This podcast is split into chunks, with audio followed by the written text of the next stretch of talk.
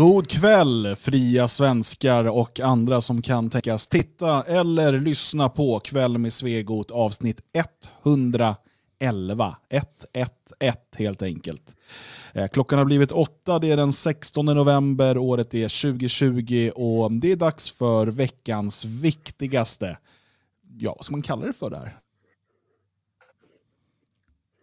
Program. Ett, ett program. Detta mm. är vårt program. Eh, där vi eh, ger dig de viktigaste kommentarerna och analyserna som du behöver ha med dig här under veckan för att klara av vardagen i Sverige AB. Jag heter Dan Eriksson och eh, med mig ikväll har jag som vanligt eh, dessa måndagskvällar Magnus Söderman. God afton. Och Björn Björkqvist. Hallå där, här sitter jag. Där sitter du. Eh, och här sitter jag. Vi sitter just nu inte tillsammans, men det kanske blir ändring på det eh, framöver. Vem vet? Um, jag tänkte börja bara med att påminna dig som är, eh, du som är medlem i Det Fria Sverige, eh, eller som planerar att bli det de närmaste dagarna. På torsdag klockan 20.00 är det digitalt medlemsmöte, massa ny viktig information kommer och du har möjlighet att lära känna andra medlemmar eh, och komma med förslag, vara med i omröstningar och så vidare. Det är en, en viktig del av eh, medlemskapet helt enkelt. Så att gå in på friasvenskar.se, det är vår medlemsplattform logga in och så under evenemang eh, så anmäler du dig till det digitala medlemsmötet. Alltså torsdag klockan 20. Jag eh, vill också berätta eh, och påminna om den 28 november. Då eh, firar ju föreningen tre år. Men på grund av rådande problematiska restriktioner som vi kanske kommer till här om en liten stund Ehm, så kan vi inte genomföra eh, den stora festen vi hade tänkt i Svenskarnas hus, utan det kommer bli ett digitalt eh, firande. Och Det kanske låter tråkigt, men vi har en riktigt, riktigt bra uppställning med gästtalare och annat. Så vi kommer eh, ha en, en lång, eh, bra sändning på Det Fria Sveriges YouTube-kanal. Eh, det kommer bli eh, livemusik eh, och eh, som sagt internationella gäster. Det kommer genomföras en ceremoni i huset ändå. Den kommer direkt sändas. Du kommer eh, kunna gå på en rundvandring, visas på en rundvandring i Svenskarnas hus eh, och eh, mycket annat. Eh, så att Det fria Sverige firar tre år den 28 november. Eh, 17.00 börjar sändningen och vi kör så länge det är kul helt enkelt. Så, det var formalian. Hur har helgen varit, Magnus? Mm, nej, men det var bra. Jag minns fortfarande inte vad jag gjorde, så det var säkert ingenting viktigt. Jag, jag var på jobbade en del på, på tomten och sådär. Uh, nu är jag mest sur och upprörd över att mitt kaffe är för varmt och ljudet är för lågt. Jag vet inte vad det var. Det är sånt där som, som alltid blir avigt innan en sändning där man inte känner sig nöjd och ljuset var ju fel och det, jag blänkte om skalpen och det var fel skjorta och det var mycket fel du hittade på mig idag Dan Um, så att jag känner mig lite sådär, jag vet inte om jag vill göra det här uh, överhuvudtaget faktiskt. Utan uh, nej, det är så jag känner mig, tack. Men det är bra om du samlar de där aggressionerna du känner mot mig just nu uh, och så riktar du dem mot de kommande ämnena. Så kanske det här liksom avslutas med en 15 minuters tirad eh, och en krigsförklaring. Mm, det kommer vi också till snart. En krigsförklaring mot moderniteten. Vi får se vart du hamnar någonstans helt enkelt. Björn, din helg, hur var den? Uh, nej, jag vet inte. Det hände väl inte sådär fantastiskt mycket. Det var väl Vilka liv vi lever. Ja, nej, men alltså, jag vet jag inte. Jag känner att den här, den här frågan hade varit mycket bättre att ställa till oss för typ 15 år sedan. Nu är ja. vi alla så här trötta familjefäder. Bara, ja, vilade kanske, tog det lugnt. För 15 år sedan hade vi inte heller kommit ihåg, tror jag. Men uh, av andra skäl. Nej, jag vet inte. Jag var på bra humör, men Magnus sänker ju stämningen här. Så att, mm. uh, jag tycker det ska bli skittråkigt. Nu kör vi. Kommer det bli, förstår du. Kommer det bli här. Jag tror inte det, för att vi har eh, en hel del intressanta saker att prata om och jag tror att vi kommer göra en del människor upprörda med det här programmet. Mm. Eh, och Jag hoppas att människor faktiskt kan ta saker vi säger på rätt sätt. Eh, det är av kärlek till er alla.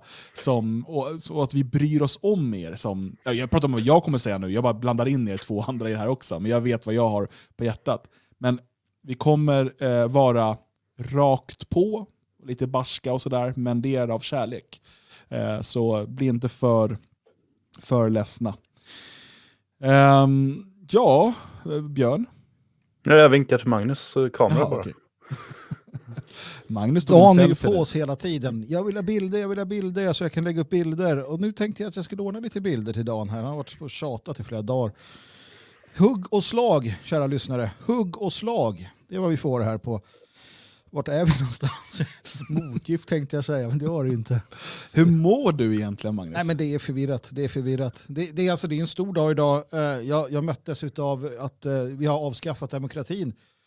Eh, Rent o- officiellt i Sverige. Um, I alla fall bärande delar av den och det vart sådär lite oj oj oj. Ny värld att ta ställning till. Men det kommer vi Men det är ju till. bara anordna en demonstration och gå ut och demonstrera mot det. Ja, men det är ju här folk fattar inte. N- när man säger, ja, vadå, det är bara, vadå, det är bara, man kan väl demonstrera åtta personer så här. Man, man förstår ju överhuvudtaget inte vad de håller på med och varför de har... Vi tar det sen. Ja, jag ska förklara problematiken för den som inte förstår. Just det. Eh, det handlar alltså om coronarestriktionerna, det kommer vi till om en liten stund.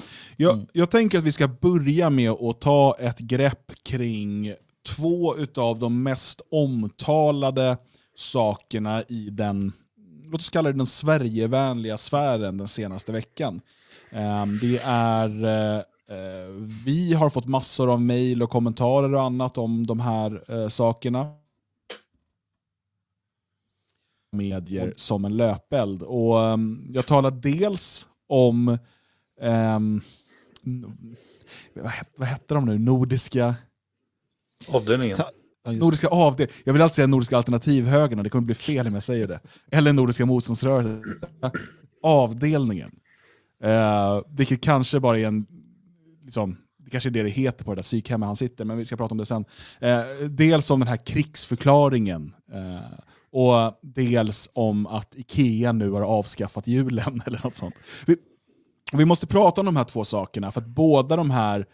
Eh, det finns intressanta eh, saker här och det finns eh, allvarliga hot mot eh, svenskar och mot eh, svensk kulturell och etnisk överlevnad och så vidare. Eh, men det gäller ju då att liksom, fokusera det här rätt. Eh, och, och, eh, framförallt så finns det ju en problematik här i att människor är så himla snabba på att reagera och dela saker utan att eh, fundera några varv till. Så vi, vi, börjar, vi börjar med Nordiska avdelningen.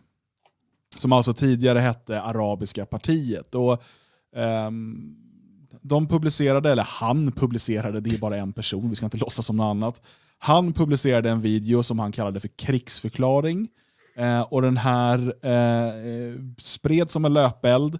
Vi fick massor av kommentarer och annat som skrev “Kolla, de har nu förklarat krig mot svenska staten”. För det första, mm, kanske sympatisera med det, men det är en annan diskussion. Eh, för det andra, eh, ja, nej, vi, vi kan kolla på typ 30 sekunder eller någonting från det här klippet, så, bara så vi vet vad vi talar om.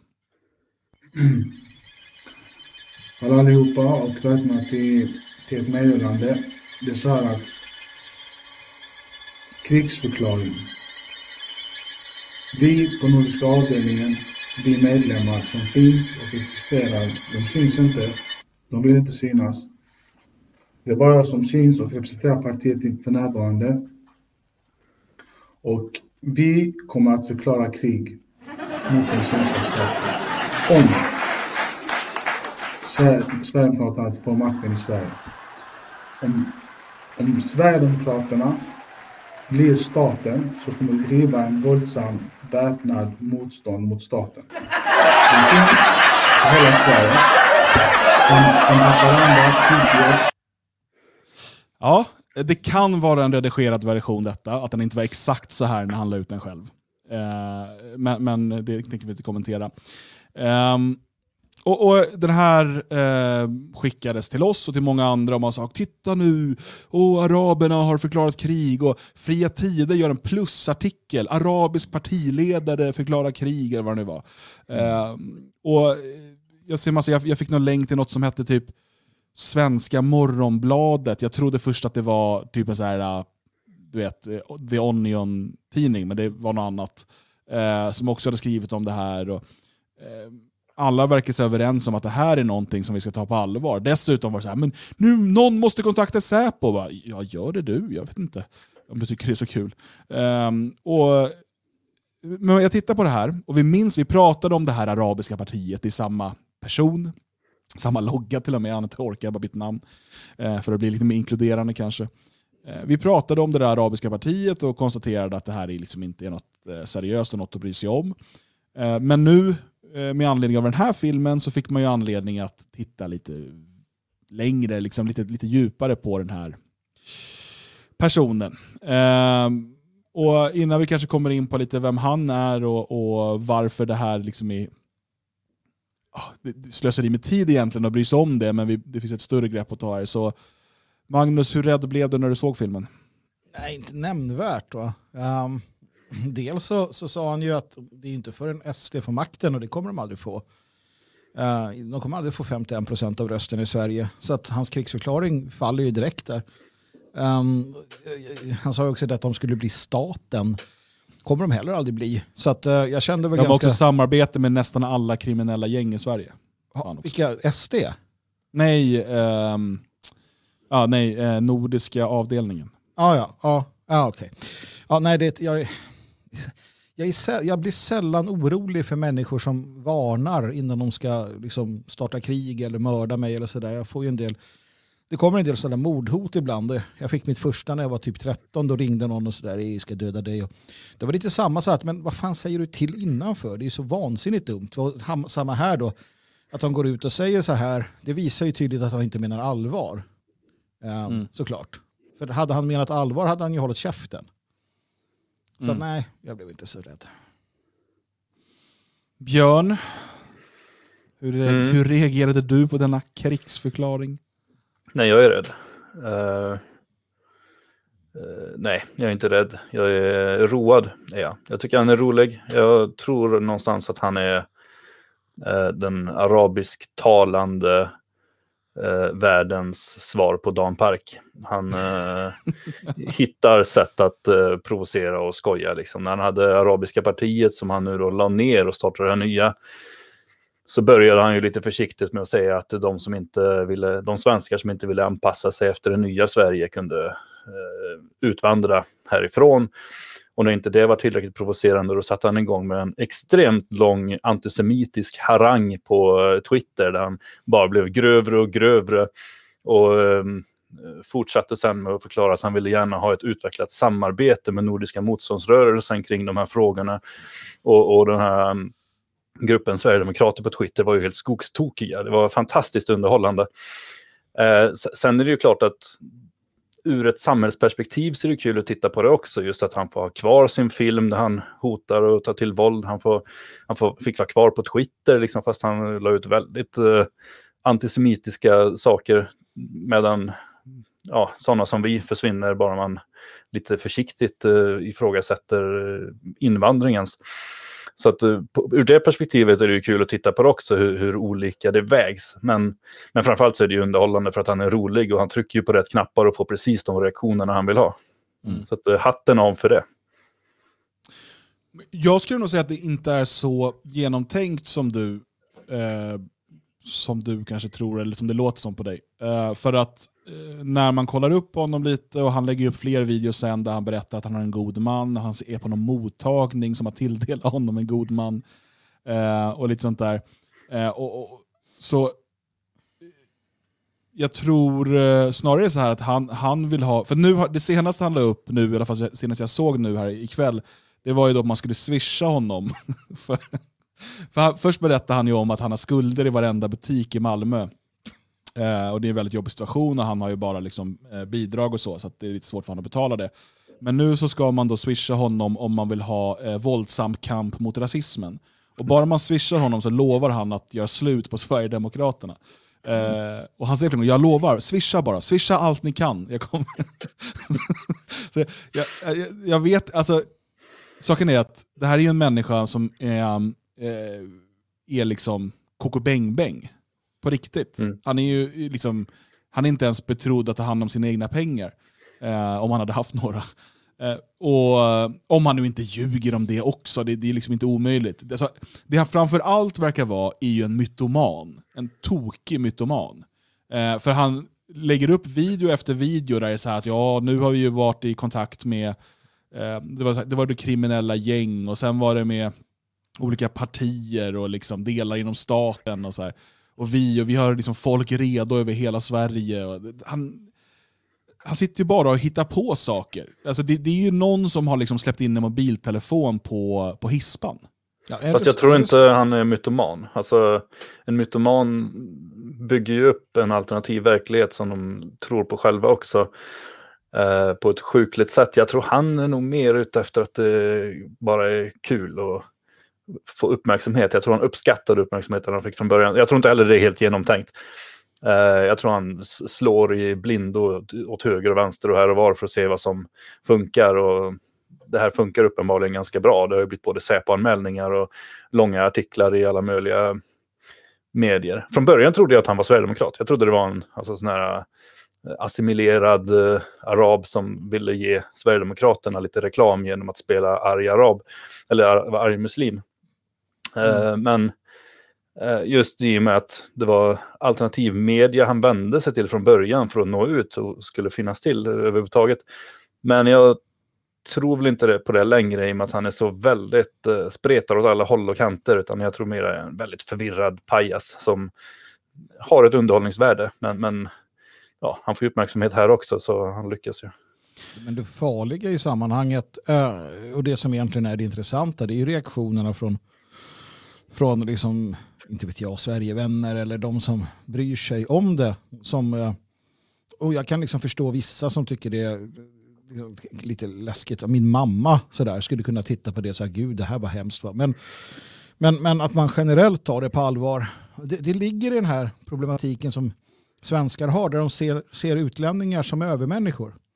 Utlänningar som står i gathörnet, de är läskiga, de är farliga de, de är högljudda. Utlänningar som bufflar, de ska man akta sig för. Utlänningar. Och det är en konstant jävla ett konstant vika ner sig. Eh, och det här är psykologiskt också. Det är det som man märker också. Här säger en, någon sitter på YouTube och bara nu ska jag starta krig och folk säger vad fan, de ska starta krig.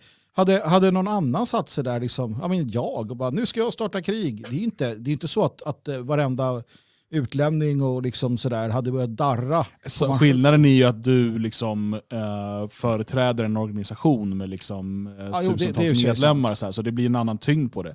Det här är ju snarare, vi har ju sett den här typen av knäppisar i liksom, den nationella miljön också. Mm. Uh, som, och så skriver de sådana här saker och man liksom bara, okej okay, jag vet inte vem du är, eller liksom, men, men så, ja, de åker in och ut på psyket. Liksom.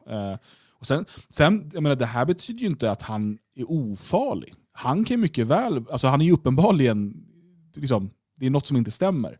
Så han kan mycket väl gå ut och liksom knivhugga någon, jag vet inte. Alltså, det är inte det, men att, att på allvar sprida det här vidare och liksom, och kolla vad han säger. Och jag, jag gjorde misstaget att gå in i en diskussion med en av de här eh, Twitter-Sverigevännerna, eller om det var på Facebook. Um, och så här, men du tror väl inte på det där? Så bara, men han säger ju att de har folk i hela Sverige! Nu står araberna redo att kriga mot staten! Och det blir så här, det finns ju en riktig problematik eh, med liksom de demografiska förändringarna och maktförskjutningarna eh, till bland annat araber. Absolut. Men att höja upp det här till att, alltså, det är att dra nästan ett löjets skimmer över den diskussionen. Alltså, här måste man ju bara kunna kolla, okej, okay, vad är det här nordiska avdelningen? Ja men okej, okay, vi, vi, eh, de har ett, det är ett parti då. Eh, det är inte registrerat eller sådär, men det är en hemsida som kallas för parti. Som bland annat vill ha förbud mot statyer av Zlatan Ibrahimovic, eh, att städare ska ha, få det bättre och att psykiatrin ska typ läggas ner. Ja, men, Låt mig bara lägga ihop sakerna här. Jag antar att han har jobbat som städare och inte var nöjd med det. Jag antar att han har haft mycket kontakt med psykiatrin och eh, han är från Malmö så han hatar Zlatan. Varför i helvete? Alltså, du har ju den här Raimo eller vad han heter som, som håller på med sina jävla upplösbara dockor. Ja, ja, precis. Och, och så här, någon jävla dåre på nätet. Du har den här feta negern eh, eller svarta mannen med, med olika färgade hår som alternativhögern älskar på Twitter som så här går omkring och bara tjo bro, jag fattar inte vad det där är. Det finns ju massor med sådana. Och nu har vi ägnat nu har vi ägnat, ja, jag vet inte, ganska lång tid för att en massa andra människor går, går igång på det här och tror att det är på riktigt. Jag menar, det man ska vara rädd för, det är hur eh, olika etniska nätverk tar över städerna. Hur den kiosken du går och handlar i, om någon anledning går och handlar där fortfarande, ägs av en etnisk Eh, etniskt motiverat nätverk som tillhör något helt annat. Som sakta, de är inte ute efter att skära halsen av dig eller spränga dig. De kommer sakta men säkert köpa upp allting du har kring dig och tränga ut dig eh, med barn över generationer. Det, det är det som är det läskiga, inte någon dåre på YouTube. Jag menar, det är det här som är problemet, att vi går igång på detta hela jävla tiden. Um, och det, sluta med det bara. Sluta, sluta, sluta! Men, och så här, um om man nu, eh, när man ser den här filmen, så uppenbart det här är en, en människa som, som han, han, inte bara behöver, han får ju psykisk hjälp eh, enligt eh, flera olika uppgifter. Eh, men eh, återigen, vi måste... När vi ska lyfta den här problematiken, för den finns, då får vi liksom, då kan vi inte, det är som att ta den här eh, om man ska, nu ska jag dra en helt underlig parallell här. Men om man vill prata om problemen med alkoholism hos fin, fin, finländare så kan man inte ta den där Heiko med eh, uppblåsbara sexdockor bara kolla, det här är ett bevis va? vi måste, vi måste rädda finländarna. alltså, jag bara menar att man måste kunna eh, man, det, det, är så uppenbart att det här inte är seriöst, alltså att det inte finns massa trupper och att han har fått med sig alla kriminella nätverk på att starta krig mot staten om, om Sverigedemokraterna, eller vad han nu säger, får makten. Alltså, hade det inte varit för att den har fått över 100 000 visningar och folk sitter och spammar i våra kommentarer med det, eh, så hade, liksom, då hade man bara sett det och bara, oh, okej, okay, knappis vidare. Men, men det är så en, man borde reagera. Här.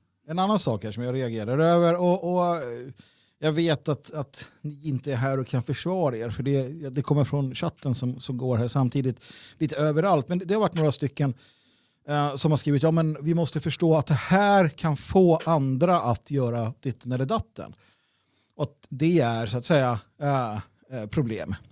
Och naturligtvis, det är ett jätteproblem i sådana fall. Va? Saken är den, vad ska vi göra åt saken? Alltså jag har hört att jag kan få människor att göra ditten eller datten. Vi beskrivs ju som hatpropaganda. Vi tillhör ju en rörelse som kallas både extrem och allt möjligt annat. Och då menar man, ja men Magnus, dina böcker då? Dina böcker där det är en revolution där de skjuter fiender. Eller när du står och säger det är dags att vi gör någonting. Ja men då är det samma problem. Så att i konsekvensens namn då? Eh, om det är ett problem att han sitter och säger de här dårskapen, då måste det vara ett problem att vi gör det också. Förutom det faktum att det är vårt land och så vidare. Men jag menar, det är inte ett problem. Han, ja, det är ju om, om han gör uppenbara olagligheter. Men, men jag tror inte ens att det här fall, man tar det inte på allvar. Därför kommer det inte ens bli ett problem i, i, i rätten. eller polisanmälningar eller vad det nu är, Säpo hit och dit. Um, så att jag menar, det är ingenting, vi kan inte börja så här, ja ah, men titta den där predikanten säger sådär. Ja men låt han säga det, vi har yttrandefrihet. Jag tycker att det är jävligt bra att vi har det. För att nästa gång så är det någon annan jävel som de kommer till och säger, ja men Magnus, du har skrivit en bok här om en, en revolution. Det kan du inte göra. Nej, nej okej, nej, men vad skönt då. Då vet vi det. Nej, det är inte bra. Vad fan, kom igen, låt uh, araben sitta där och tuffa till sig.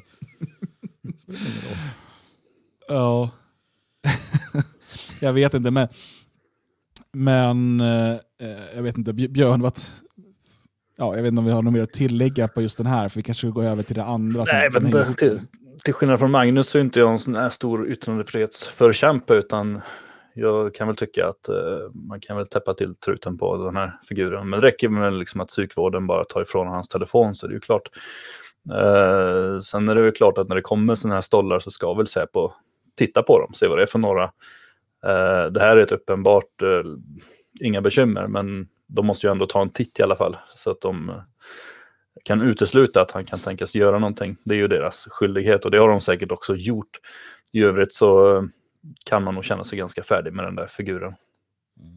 Ja, men jag, har Ja. också blivit, jag har också blivit ställd, eh, s- vad heter det?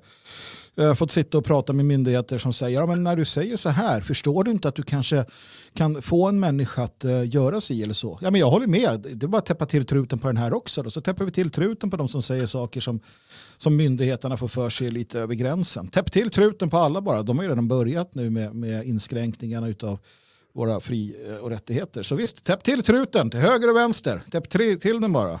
Alltså, han ska inte vara i Sverige, det är väl det som är hela liksom, grundproblematiken här. Men, han men så kan han ju sitta liksom, hemma i liksom, grottan och, och försöka skicka ut de här eh, videoklippen istället. Men det, det är ju så, okej, kan han inspirera andra och sådär? Kanske, men man måste ju också, du måste ju också här förstå att eh, svensk fientlighet är något reellt som finns hos väldigt många utlänningar i Sverige. Och det, det, är liksom, och det har varit så under lång tid, under många decennier. Eh, och, och Det är inte så att eh, innan den här filmen kom ut så var det liksom tryggt och säkert för svenskar att gå, att gå på gatorna. Eh, och eh, för den saken gör det varken till eller från. Jag, jag vet att det också finns de som tycker att nej, men man ska sprida det här för att det kommer få folk att vakna, vakna. och då blir det så här, nej. Det här kommer få normalt folk som ser att det här är trams. Så här, okay, men kom igen, är det, där, är det det ni har? Är det det som är ert bevis på att liksom, den här problematiken finns? Eh, som sagt, det drar ett löjets skimmer över det och det är bättre eh, att bara liksom skratta åt tokstollen. jag menar, jobba istället med att, att varje dag eh, höra av sig till, till eh, makthavare eller media och, och, och försöka bedriva opinion mot den här eh, rapmusiken som, som finns överallt. Um, Att få in att den ska inskränks. Det finns en, det finns en sån där raplåt, den kom för flera år sedan, där han sjunger om att man ska mörda mig och Jimmy Åkesson med AK47. Mm. Någon sån där kriminell rappare. Det var Dan som hittade den åt mig, tror jag, inte minns fel. Uh, du hade det här, vad hette det då, med svarta liljor, eller vad fan det var, de skulle spöa Jimmy Åkesson och det var allt det här och det sändes på bästa sändningstid och så. Ägna varje dag, istället för att bli upprörd över den här dåren på YouTube som ingen tar på allvar, ägna var, lite, en halvtimme varje dag, eller tio minuter varje dag åt att skriva till, till P3. Så här, sluta spela gangsterrap. Eh, skriv till era politiker. Låt inte det här spelas på fritidsgårdar. Låt inte det här bli liksom, eh, och så vidare. Lite varje dag, men det, det gör man ju inte. Utan man blir jättearg. Och bara, titta de är beredda att attackera oss. Eller det som händer varje dag när en svensk rånas, när en svensk misshandlas, när en svensk tjej eh, blir kallad liksom det ena med det tredje. Det händer varje dag liksom, det är ju något att, att, att arga upp sig över i sådana fall. Um, snarare än det här. Hade det varit liksom partiledare för, inte fan vet jag, uh, något annat och det, det, var uppenbart på allvar och så, det är väl en annan sak. Men, nej. Ja, Nej, och den andra stora virala hitten, som i alla fall i mina flöden, eh, och som jag också fått tillskickat mig, så här, att det här, kolla, det är för jävligt. Um, det har med Ikea att göra. Och Jag uppmanar ingen att handla på Ikea. Det finns många anledningar att inte handla på Ikea. Återigen, det finns riktiga problem med Ikea. Eh, inte minst deras, eh, liksom, hur deras kataloger ser ut. Där det, knappt, det finns inte en enda helvit familj eh, i den senaste, om jag inte minns fel. Men nu är det då istället, och det här är vintermust all over again, Eh, där man då har fått för sig att Ikea har de har, förbjud, de, de har förbjudit julen, eller de har tagit bort, nu ska vi inte få säga jul längre. Eh, de kallar det för vinter istället för jul. Och, och, och så sprider man en skärmdump. Och så säger men kan du bara gå två steg till och titta? Gå in på Ikeas hemsida och sök på jul. Alltså, varför heter det vinter 2020? Jo, för det är en kollektion för hela vintern. Inte bara julsaker. Det finns andra saker där som inte har med jul att göra. Men många saker där heter någonting med jul. Du kan också få tips på hur du gör en supermysig jul och bla bla bla. Massa sånt. Allt jul, jul nämns massor av gånger på Ikea. Eh, I produktbeskrivningar och i artiklar och allt möjligt. Man har inte slutat kalla det för jul. Däremot så heter hela kollektionen Vinter 2020. Och jag blir bara... Återigen, det finns ett stort problem med attack på vår, på vår kultur, på våra traditioner. Eh, och jag förstår att man någonstans har taggarna utåt och man ser någonting och så reagerar man. Men gör alla en tjänst och andas, kolla, men är det verkligen så? För att återigen, det här drar ett löjets skimmer över de som försöker bedriva en seriös nationell opposition. Det, det, jag vill inte förknippas med liksom det här. Alltså alla kan ha, liksom, man kan råka retweeta något som är fake news och så vidare.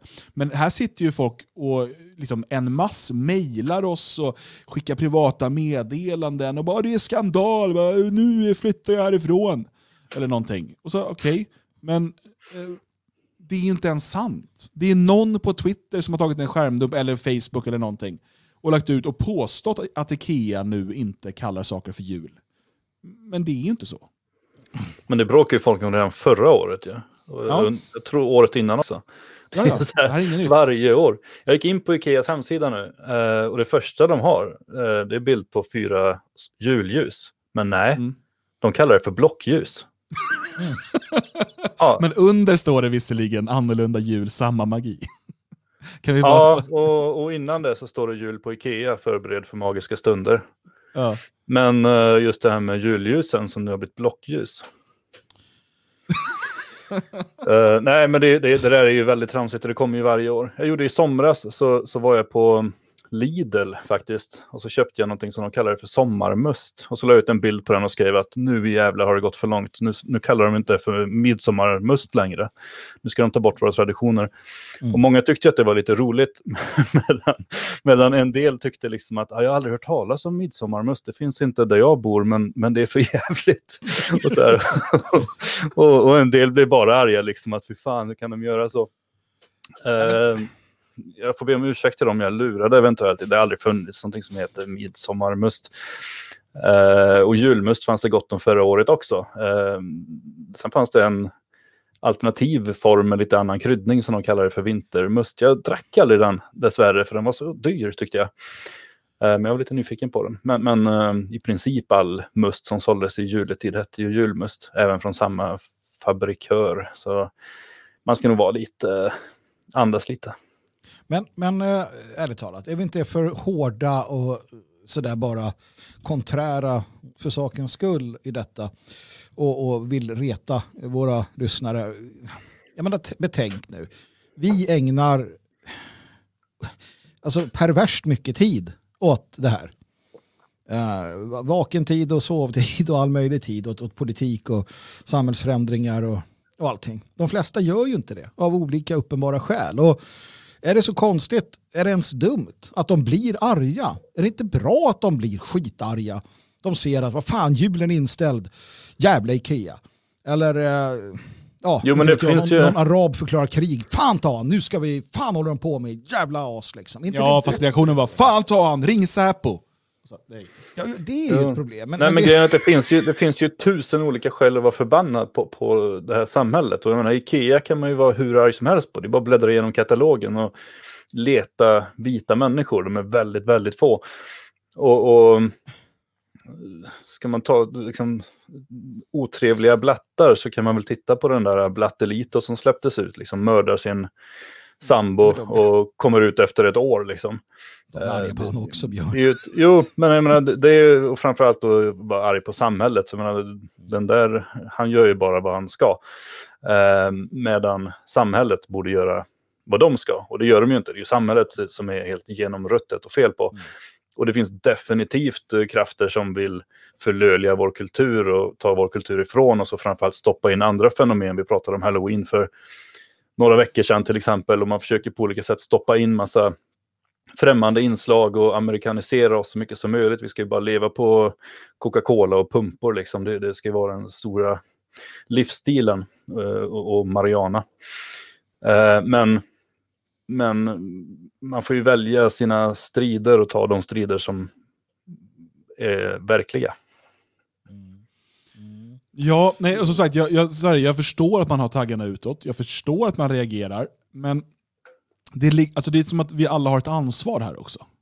Vi har ett ansvar för att fördelen och problemet med internet är att alla har en plattform. Mm. Alltså det, det är ju jättebra för att eh, liksom, på det sättet kan vi vara med och konkurrera mot gammelmedia på olika sätt. På ett sätt som inte var möjligt eh, innan internet. Eh, men det är också problematiskt för att vem som helst kan göras till företrädare för vår sak utan att eh, liksom, eh, på något sätt ha kan man säga, förtjänat det eller valts i någon, på något årsmöte eller något annat sånt, liksom, som, så som det normalt har fungerat. Eh, utan du kan vara ett anonymt Twitterkonto där man inte ens vet om liksom, personen verkligen är sympatiskt inställd till vår sak eller har eh, helt andra eh, bevekelsegrunder till varför de gör vad de gör. Ehm, och eh, väldigt många eh, är liksom de är mycket i sociala medier och så vidare och de får ett ganska stort följe och sen sprider de sånt här. Ehm, och då spiller det liksom över på hela vår opposition. Uh, mm. nu, just, alltså, nu, det här IKEA-fallet är ju liksom, det, det, det, är ju aktuellt just nu. Det är absolut inte något av det liksom värsta som i det här fallet, men vi pratar om något som är aktuellt just nu och det här är ett väldigt bra exempel på det. Där man faktiskt med bara liksom, några få sekunders arbete kan ta reda på att det inte är så. Mm. Uh, och uh, Därför är det viktigt, och, och, jag menar vår roll, det är det vi måste fundera på här, för är vi för hårda? Ah, jag, jag säger att vår roll är uh, att liksom smeka med ena handen och örfila med andra. Se till att folk eh, rättar in sig i led och skärper sig. Eh, för att, alltså, lite på skoj sagt såklart, men, men samtidigt, eh, vi, vi, vi svor en ed till varandra för länge sedan att eh, inte väja för någonting i det här programmet och, och, säga det folk behöver höra, inte det de vill höra.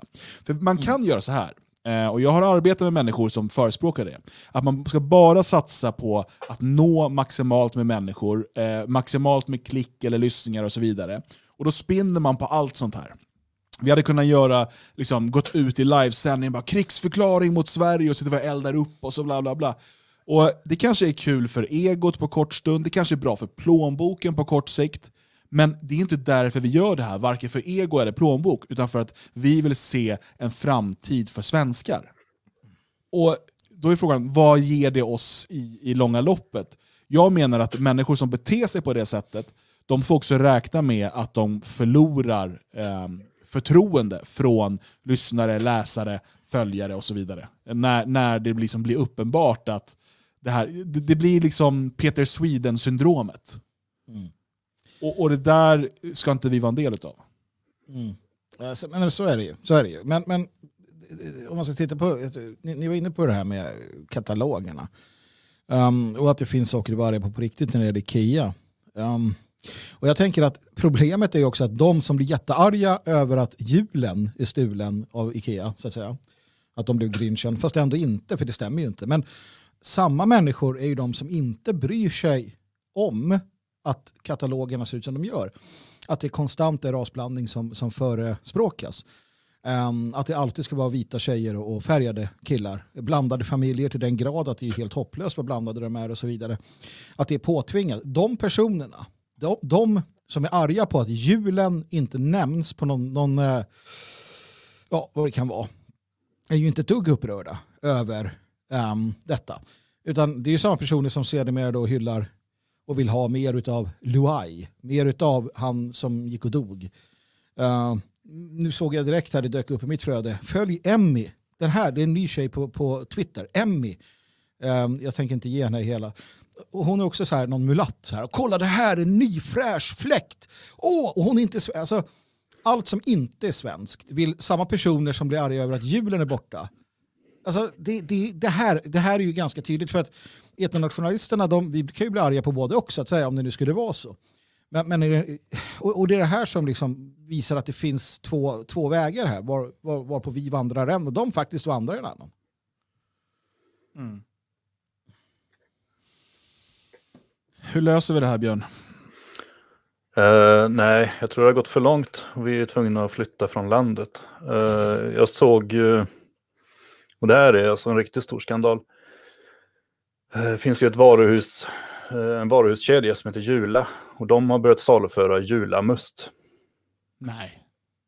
Så... Um, jag förklarar krig mot Jula. jag i min avdelning av det här fria Sverige, vi förklarar Jula-krig.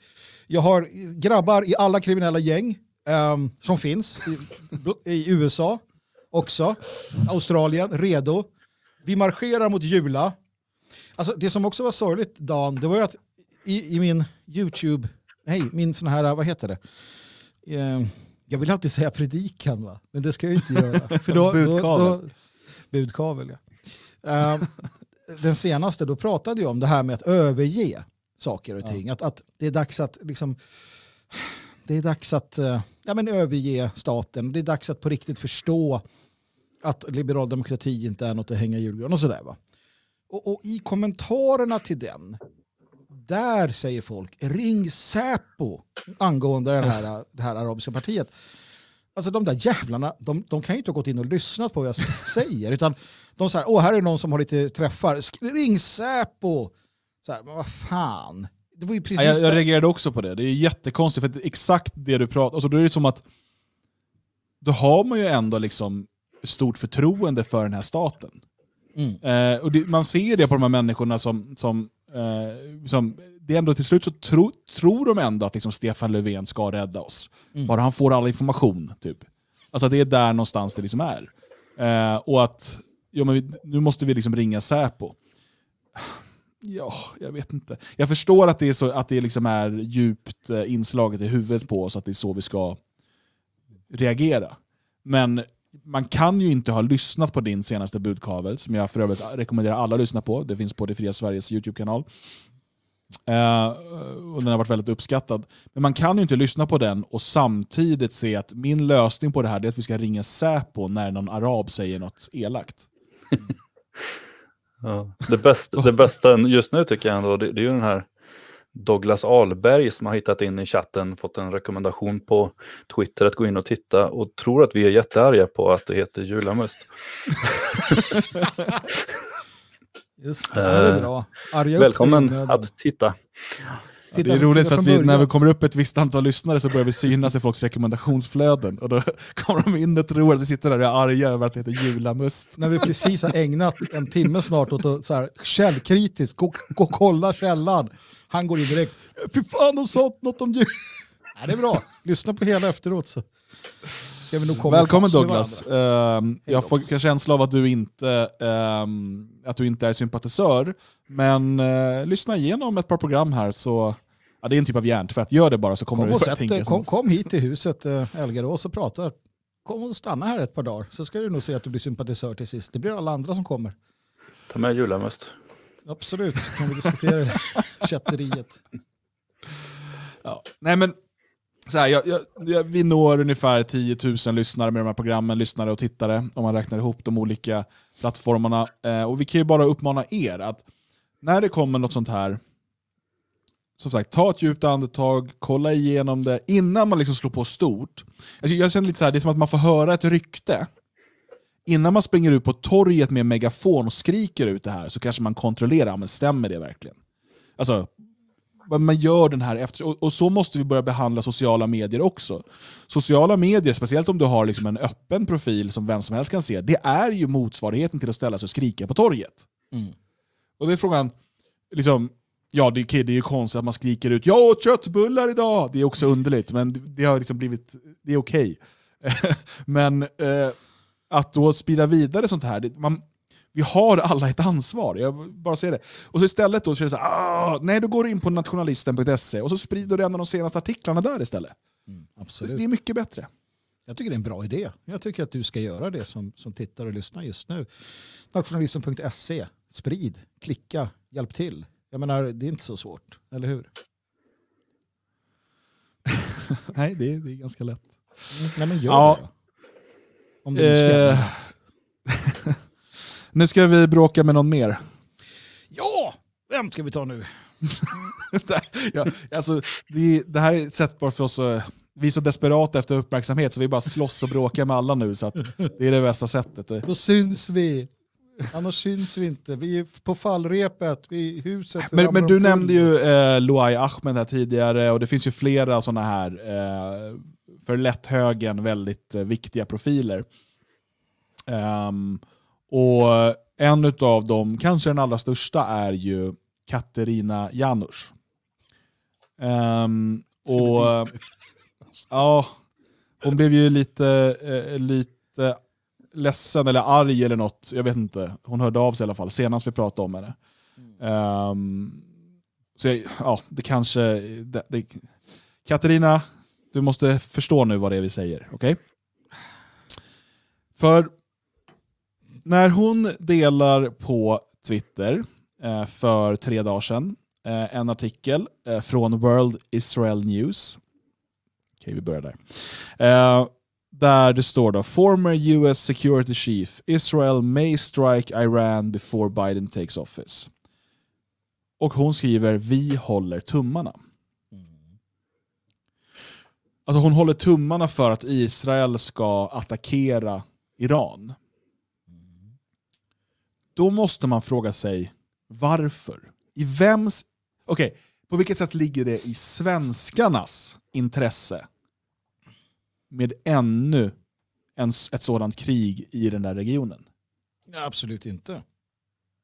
Livsfarligt. Värsta som kan hända. En katastrof då. Det är en katastrof skulle detta hända. Fullständigt. Till varje... Alltså till varje... Alltså vi ska, jag är beredd att gå nästan hur långt som helst för att det inte ska bli ett, ett, ett storkrig i Mellanöstern. Alltså, jag är, eh, till skillnad från en del vänner till mig, inget stort fan av den iranska regimen. Eh, men... Björn. Björn, Björn kanske är det. Nej. Eh, det är liksom kanske också irrelevant eh, i det här läget. Ett krig av den magnitud det skulle bli om Israel attackerar Iran, alltså, okay, Israel attackerar Iran nästan hela tiden, men vi pratar här om ett, ett, ett, ett en invasion eller liksom ett stort bombangrepp som skulle utlysa ett sånt krig. Um, ett krig där skulle innebära en katastrof. Inte bara för yeah. eh, Iran, utan också för Europa. Björn? Ja, nej, du försvann, men eh, det kanske var jag som försvann. Nu är ni tillbaka och eh, Dan har helt rätt. Alltså ett krig, och det har vi ju sett, den våg av så kallade flyktingar som kom 2014-15, där den senaste stora, den berodde ju på oroligheterna, krigen, västerlandets, eh, västerlandets lägga näsan i blöt i Syrien tillsammans med Israel som stödde Isis eh, för att skapa Eretz Israel, ehm, Turkiet som eh, flyttade fram sina positioner, också där tillsammans med Isis för att skapa Eretz Turkiet eller ett, ett nytt, eh, ett nytt, ja ni vet, det där de hade en gång i tiden som jag har glömt bort vad det hette. Och, då var inte Iran inblandat. Ett, ett krig mot Iran då som hon önskar skulle, med, med den typ av politiker vi har i Europa, alltså med EU och politrukerna, det skulle fullständigt rasera uh, Europa och kasta in oss i, i ja, jag vet inte. Alltså, det, det, nej, så att, eh, och förutom det då, allt, allt lidande i regionen, också för hennes då, eh, stamfränder i Israel, men det skiter väl hon i. Det brukar vara så där med, med det där, har jag märkt. Jag, jag, tycker bara att det, det blir, det blir liksom talande för att i slutändan ligger hennes lojalitet inte hos svenskarna. Mm. Um, för att, och, och, hon vägrar ju också svara. Det är ju väldigt mycket reaktioner i, i liksom kommentarerna eller så på, på den här. Hon brukar inte vara sen med att svara på folk. Men uh, här vägrar hon svara. Och vissa, mm. alltså det är klart, en del är väldigt otrevliga, andra är, är mer liksom resonliga. Liksom, men varför? Vad skulle det vara? Och men alltså hon håller tummarna för ett storskaligt krig i, i Mellanöstern. Eh, eh, och, och det är ju för, alltså, om jag ska gissa då, eftersom hon vägrar svara, så skulle jag anta att det är för att två saker. Det ena, eh, Iran utmålas som det största hotet mot Israel. Eh, det andra, eh, hon tycker att de är dumma muslimer som, och att kvinnor inte är fria och de borde få lite liberala eh, de borde få liberal demokrati och sexuell revolution och sånt där. Sånt som hon älskar. Eh, men då är det okay, varför pratar vi ens om det här? Vad spelar det för roll vad Katerina Janouch säger? Eh, ja, för att jag vet att utav er 10 000 som kommer titta eller lyssna på det här så är det många som följer henne och eh, tar intryck av vad hon skriver, sprider hennes saker vidare och så vidare. Eh, hon målas också fram som någon typ av företrädare för eh, vår, vår sak. Um, och Jag tycker att det är viktigt att förstå att i slutändan så är hennes lojalitet inte hos svenskarna. Och dessutom så har hon gjort tydligt i diverse artiklar, både för länge sedan och på sistone, att det för henne handlar det om att försvara det, liksom, liberalismen, liksom den liberaliseringen av det västerländska samhället. Det, det är liksom det. Det, det är um, det generation som hon tycker är viktigt att försvara. Uh, och uh, ja, det, gäller, det gäller att dra en tydlig skiljelinje här. Jag vet, efter förra gången vi pratade om, om Katarina Janouch, då fick vi mail från en person. Uh, jag vet inte om du kommer ihåg det här Magnus? Uh, som sa att vi alla måste hålla ihop. Alla. Och min fråga blir ju då, det kanske du kan göra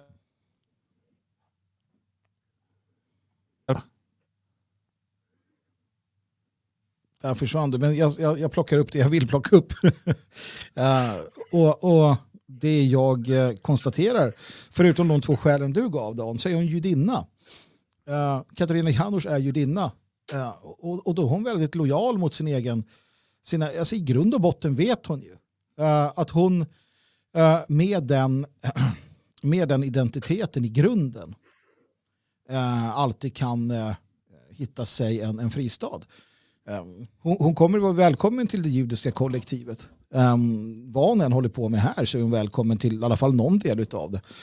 Uh, och nu sitter hon ju här i Sverige. Då kan hon passa på att vara väldigt hetsk, precis som amerikanska judar uh, ofta vill att det ska bombas och förstöras och krigas i Israel utan att för den saken skulle tänka på att de som bor i Israel, alltså judarna där, kanske inte tycker det är så vansinnigt kul um, att vara inbegripna i eviga krig med sina grannar. Va? Men um, det, det, är också den aspekten av det hela. Men nej, alltså en, en krigshetsare eh, av det slaget, eller sådana som Bolton eller andra sådana här neokons och liknande, det är ingenting som, som, som finns liksom eh, bland mina allierade. Det kan det inte göra. Återigen i sakfrågor här och där någon gång då och då så kan det vara intressant att lyfta någonting. Men, men i allt väsentligt så är vi väldigt långt ifrån varandra. Väldigt långt ifrån varandra. Uh, och jag vet inte om tanken är då att vi alla som ska hålla ihop då enligt den här uh, brevskrivaren, jag vet inte hur mycket det som kom med sig vad sa där, men uh, försvinner jag nu också eller? Det försvinner väldigt mycket. Okej, okay. prata på ni. Ja, nej men det är om vi ska... Så kommer jag in i sändningen Ja, gör det. det. Det här med att hålla ihop, det är väl klart att man kan hålla ihop kring saker där man tycker likadant, men det finns ju ingen, eh, och varför skulle man inte? Det, finns ju ingen anledning att skriva surt till eh, Janus när hon skriver att det är för många araber i Sverige till exempel, då kan man ju bara hålla med. Det, där har du rätt. Men man behöver ju inte hålla ihop om saker man inte är överens om. Till exempel krigshets. Eh, mm. för, för, det är ju inget som gynnar vår sak och då en levande diskussion gynnar väl alla och att tro att vi är samma rörelse är ju också väldigt, väldigt fel. Uh, hela rörelsebegreppet är väl ganska förvirrat i och med att förr kanske det fanns en nationell rörelse. Den har splittrats åt så väldigt många olika håll så att det är svårt att tala om en nationell rörelse också. Men, men, men vi är ju inte samma rörelse. Alltså, nationalister och, och, och eh, icke-nationalistiska invandringskritiker. Det är ju två väldigt olika rörelser. Sen kan vi korsa varandra lite här och var och vi kan hämta argument från varandra och vi kan lyssna på varandra och diskutera med varandra i viss mån, men, men vi är ju helt olika utgångspunkter och vi har helt olika mål. Det där är intressant att se till exempel med de libertarianska eh, eller den, den libertarianska rörelsen, då får de själva liksom, de sura på mig om jag säger det. Men alltså, vi, vi, delar ju inte allting med dem, även om vi delar vissa saker med dem. Men där finns ju inte den här, eh, den, just det där som man, eh, jag ofta upplever med icke-nationella Sverigevänner, om vi ska kalla dem för det, eller sådana här liberala Sverigevänner. Eller vad det, Um, där finns liksom inte den här uh, irritationen. För jag känner ofta irritation gentemot de här. Man, man tycker att de kommer ju ändå en bit på vägen och sen så ställs det till på något sätt när det ska in med uh, Israelflaggor överallt. Eller liksom, ja, något så här dumt att, att uh, vi ska springa efter varenda färgad person. för det behövs som alibin eller vad det nu kan tänkas vara. Mm. Jag, jag, skulle också vilja, jag hoppas att det funkar bättre nu, men jag, jag eh, vill också se skiljer där på liberaler och libertarianer. För det finns, oh ja. det, det, det, det, viktiga här är ju egentligen, jag har konstaterat det här många gånger, vi är inte framförallt i en politisk kris, utan vi är liksom i en existentiell, kulturell, eh, närmast liksom andlig kris. Eh, och för mig är det inte problem att samarbeta med någon som har en annan syn på staten eller skattenivåer. Eller, alltså det är inte, de sakerna, det är, liksom, det är politikens eh, sfär. Och det, det är i, liksom, ja, i, i bästa fall sekundärt. Utan vi, om vi delar grundläggande värderingar, förståelse för vikten av folkgemenskap, förståelsen eh, utav eh, vikten utav eh, svensk överlevnad, eh, vit europeisk överlevnad, om vi delar grundläggande eh, värderingar om, om tradition, om antimodernism och så vidare, så eh, kan vi hitta sätt att samarbeta. För att, jag menar, i, i en framtid ehm, där de här sakerna är självklara, ja, då kan vi väl bråka om politik hur mycket vi vill. Mm. Jag, jag tycker, alltså, en stor eller liten stat, inget av det är en garant eller eh, liksom något som omöjliggör eh, nationalism, något som omöjliggör eh, etnisk överlevnad, eh, svensk strävan och så vidare. Um, utan det, det är ju sekundärt. Det där är sånt som ska göras upp uh, mellan svenskarna sen. Och även i, i ett sånt samhälle där vi är överens om dessa grundläggande värderingar så kommer vi ha olika politiska uppfattningar. Och det har jag inget problem med. Det är ett mycket större problem om personen står för helt andra värderingar. Alltså det, det är en viktigare skiljelinje än vad vi liksom har för syn på legalisering av cannabis. Det är inte mm. liksom det relevanta. Nej, medhålles. Ja, jag vet inte varför det är eh, så dålig uppkoppling för mig, men eh, vi ska försöka få det här att fungera ändå. Vi ska ta en eh, musikpaus och eh, när vi är tillbaka så ska vi prata om utvecklingen i Nagorno-Karabach. Karabach, Karabach, Karabach. Ja, jag är inte bra på det där. Det var väldigt ofta man hörde det där på 90-talet, men sen mm. hörde man det inte mer.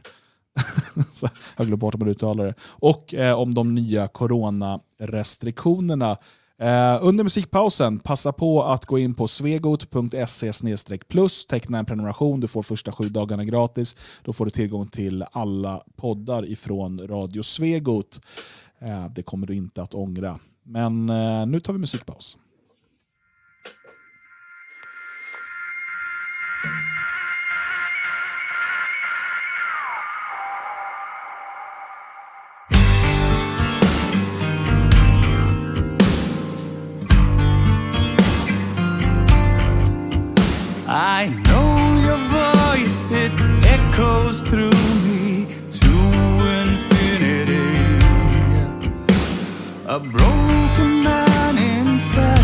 But your spirit's free.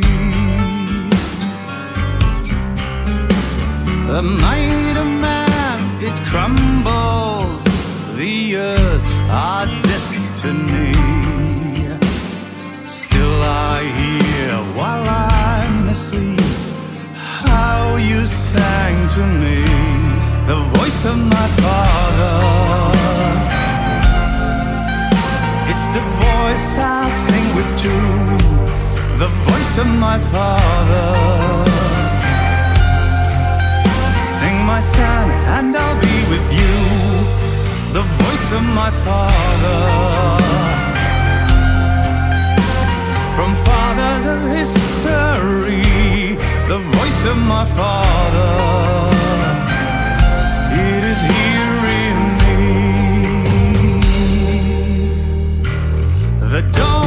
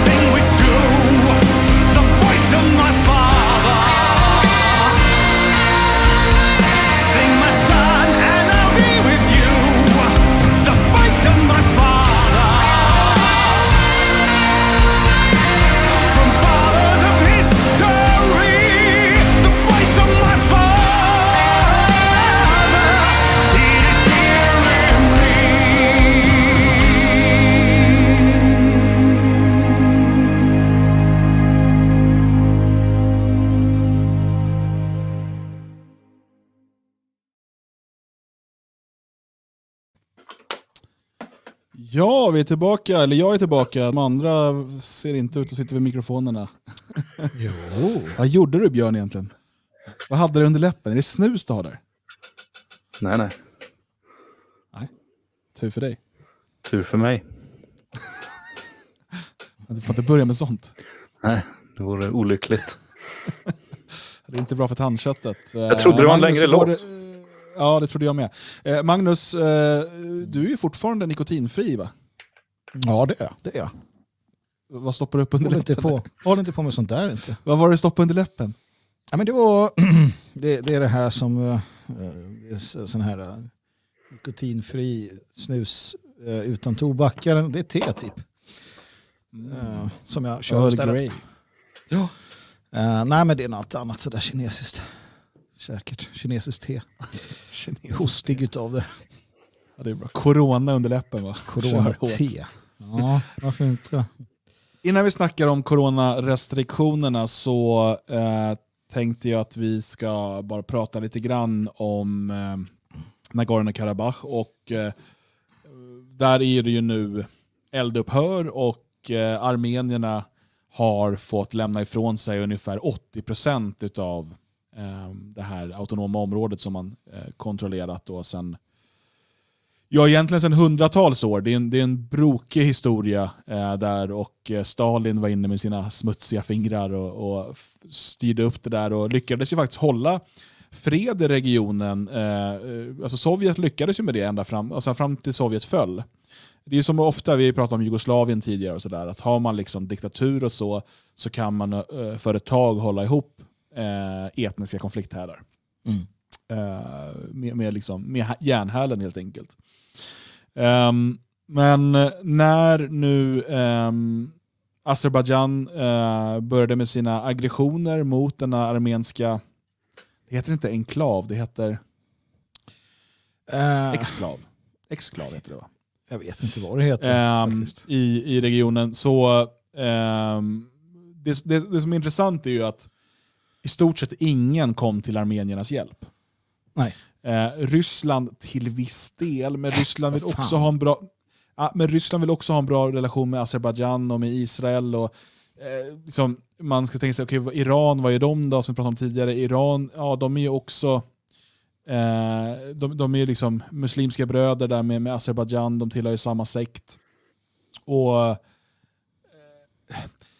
Det är inte lätt för armenierna, men låt oss bara konstatera att ar- armenierna, eh, alltså Armenien är världens äldsta kristna stat. Eh, där ligger också, det, de har också världens äldsta kristna kyrka.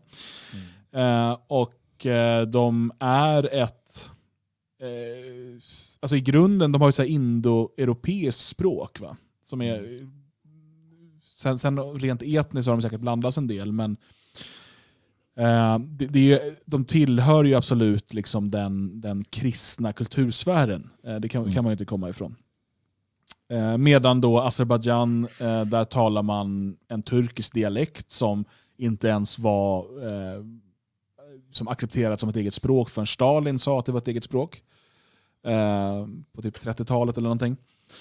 Och den här, när aggressionen började Eh, så eh, slöt Turkiet upp eh, bakom Azerbajdzjan såklart. Och eh, Israel har ju eh, varit duktiga med att sälja drönarvapen och annat till eh, Azerbajdzjan. Eh, och jag menar från FN och EU så kom det väl lite sådana här, eh, ja men ni vet.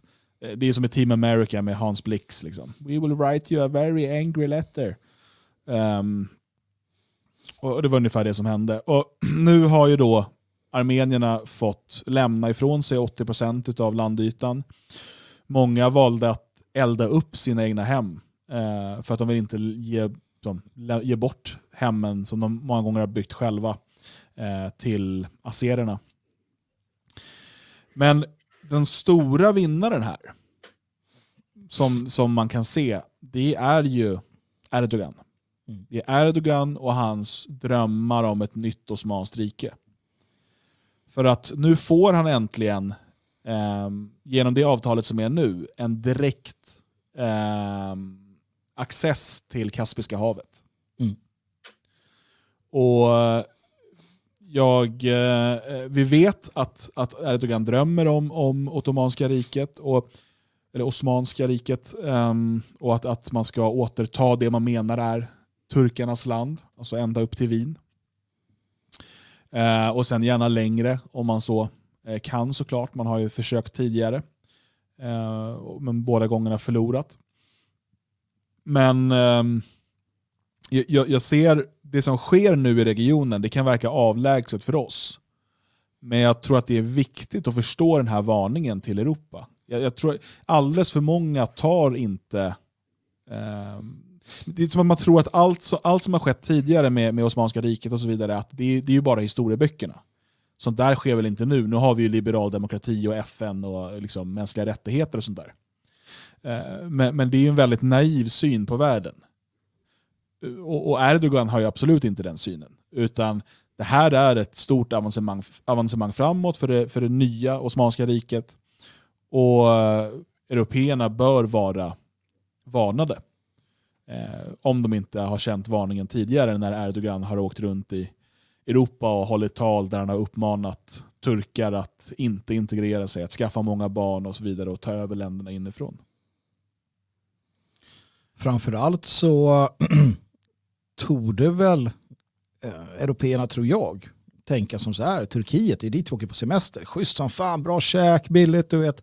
Härligt, eh, schyssta liksom, grejer, man kan gå runt där, det är inte så jävla strikt och sådär. Vadå Turkiet, vadå liksom islam och det jävla ottomaner, nej nej nej, nej du Dan, snacka skit, vad fan man åker dit på semester, det är ju hur schysst som helst. Inga problem, det är ju det. Eh, framförallt så får folk att inte fatta att det är på riktigt. Um, sen så får man ju lyfta på hatten åt Erdogan, absolut. Um, well played.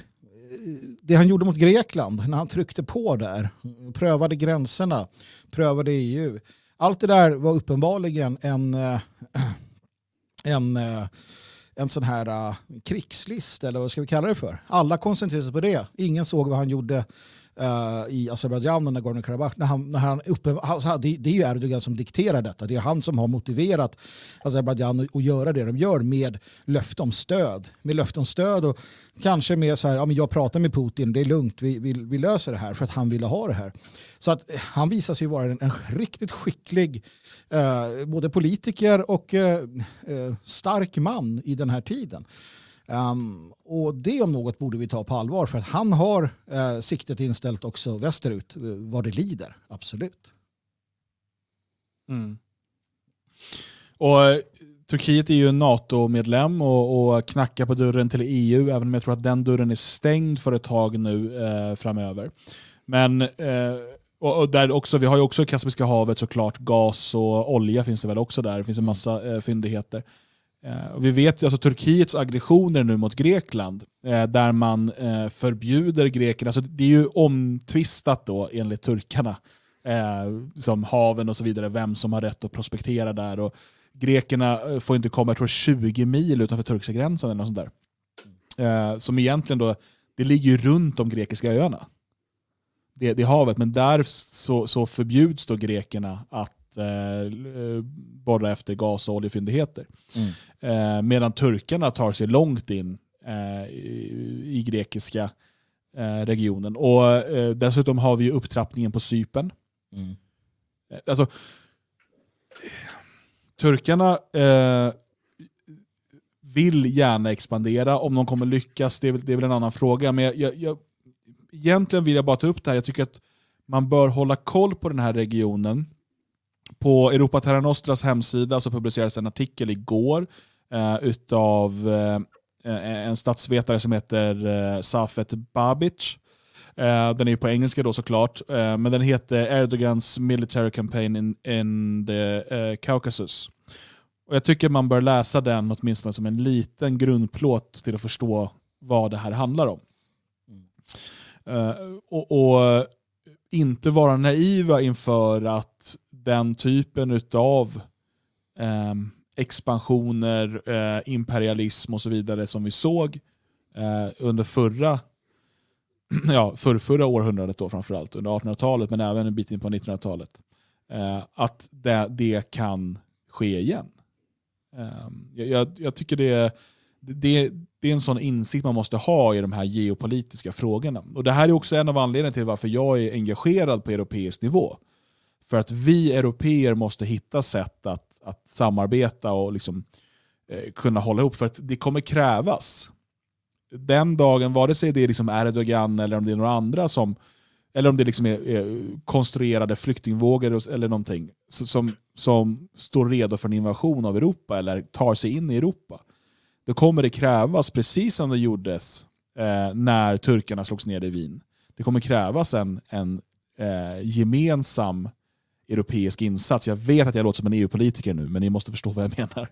Eh, där eh, goda krafter eh, tillsammans kan, kan försvara Europa. Mm. Så är det. Så är det. Och, och som sagt, eh, om någon fortfarande, det var ju ett, för några år sedan, då var det ju, då var det ju allmänt känt bland väldigt många att eh, Vladimir Putin var our guy. Eh, Ryssland var det bästa exemplet på hur det ska vara och det, det var våra allierade och alla skulle helt plötsligt tycka att Ryssland var det finaste som har hänt sedan skivat bröd. Uh, nu är det inte så många kvar där längre på det sättet, va? även om vissa uh, ändå håller kvar vid, vid det. Jag, jag, är, jag har alltid tyckt vad jag tycker. Eh, och jag blir besviken på Putin. För att han visar ju det som man ändå någonstans har trott och tänkt hela tiden. Att han är en, han är en, en liksom rysk tsar. Um, han är definitivt patriot, rysk patriot. Han vill ha islam som andra största religion, erkända religion i landet. Det är inga problem så länge han kontrollerar dem. Som han gör till exempel i Tjetjenien med, med sin, sin kompis där och så vidare. Men det han visar också att han är en maktmänniska framför allt. Principer och sådär. Det, det, det får, ja, det, det kan gå lite hur som helst med det. Uh, för att han lämnar i princip eh, Armenien åt sitt öde i detta fall. Eh, Mm. Vågar jag hävda. Och det gör Jo, han. precis. Det, fin- det finns en eh, idé där om att eh, Ryssland ska försvara kristenheten på något sätt. Då. Eh, och jag, jag tror att Putin och Ryssland de gör en, en stenhård kalkyl bara. Ja. Iskall kalkyl. Så här, gynnar det ryska intressen. Att eh, hamna i luven med, med Azerbajdzjan och då i förlängningen med Turkiet och, och Israel bland annat. Mm. Eh, kanske även eh, vännerna i Iran. Ehm, nej, inte tillräckligt mycket för att vi ska bry oss om en, en eh, armensk exklav i, i det som officiellt faktiskt är Azerbajdzjan. Mm. Ehm, men det är en annan sak man kan lära sig också av den här regionen. Det är ju att eh, hur det fungerar med folkutbyte. För att eh, det här är alltså en region som har haft eh, upp mot 95% armenisk befolkning. Eh, och eh, sen var det nere, jag tror på 50-talet, nere runt 80. Eh, och eh, på 90-talet då när eh, eh, Sovjetunionen föll så var man nere på nästan 70%. Eh, och det här har ju fortsatt åt samma håll. Det har flyttats in azerer eh, och eh, vissa områden har, alltså under den här eh, konflikten på 90-talet så förlorade man ju vissa områden och sådär. även om Man, och man lyckades ju inte utropa fullständig självständighet och så.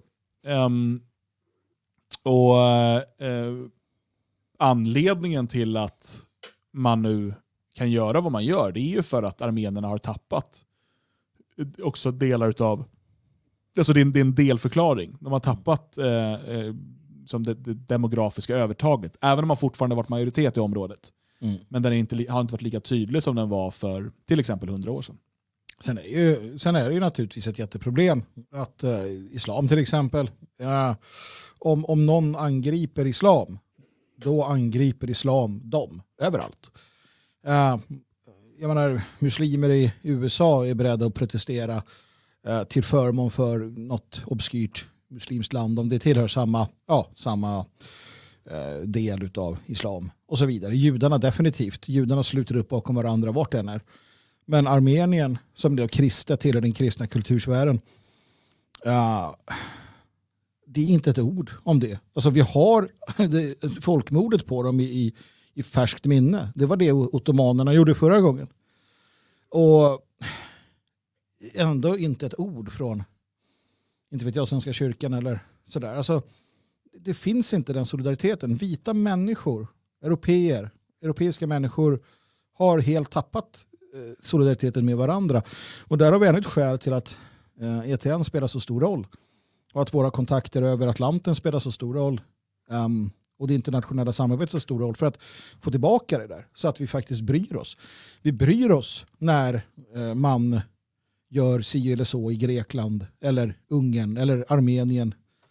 Um, eftersom att det är en attack mot oss alla någonstans på ett, på ett högre plan.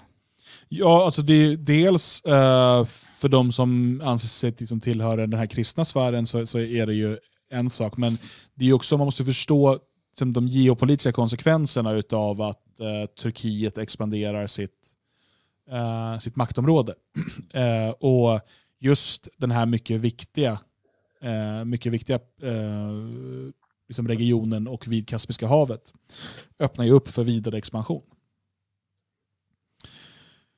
Ehm, ja, eh, som sagt på etnostra.com, eh, läs gärna artikeln och eh, fundera eh, kring det här själv. Eh, och det kan verka som stora men ändå obetydliga frågor med, med tanke på hur liksom, den är i Sverige. Men allt det här hänger ihop.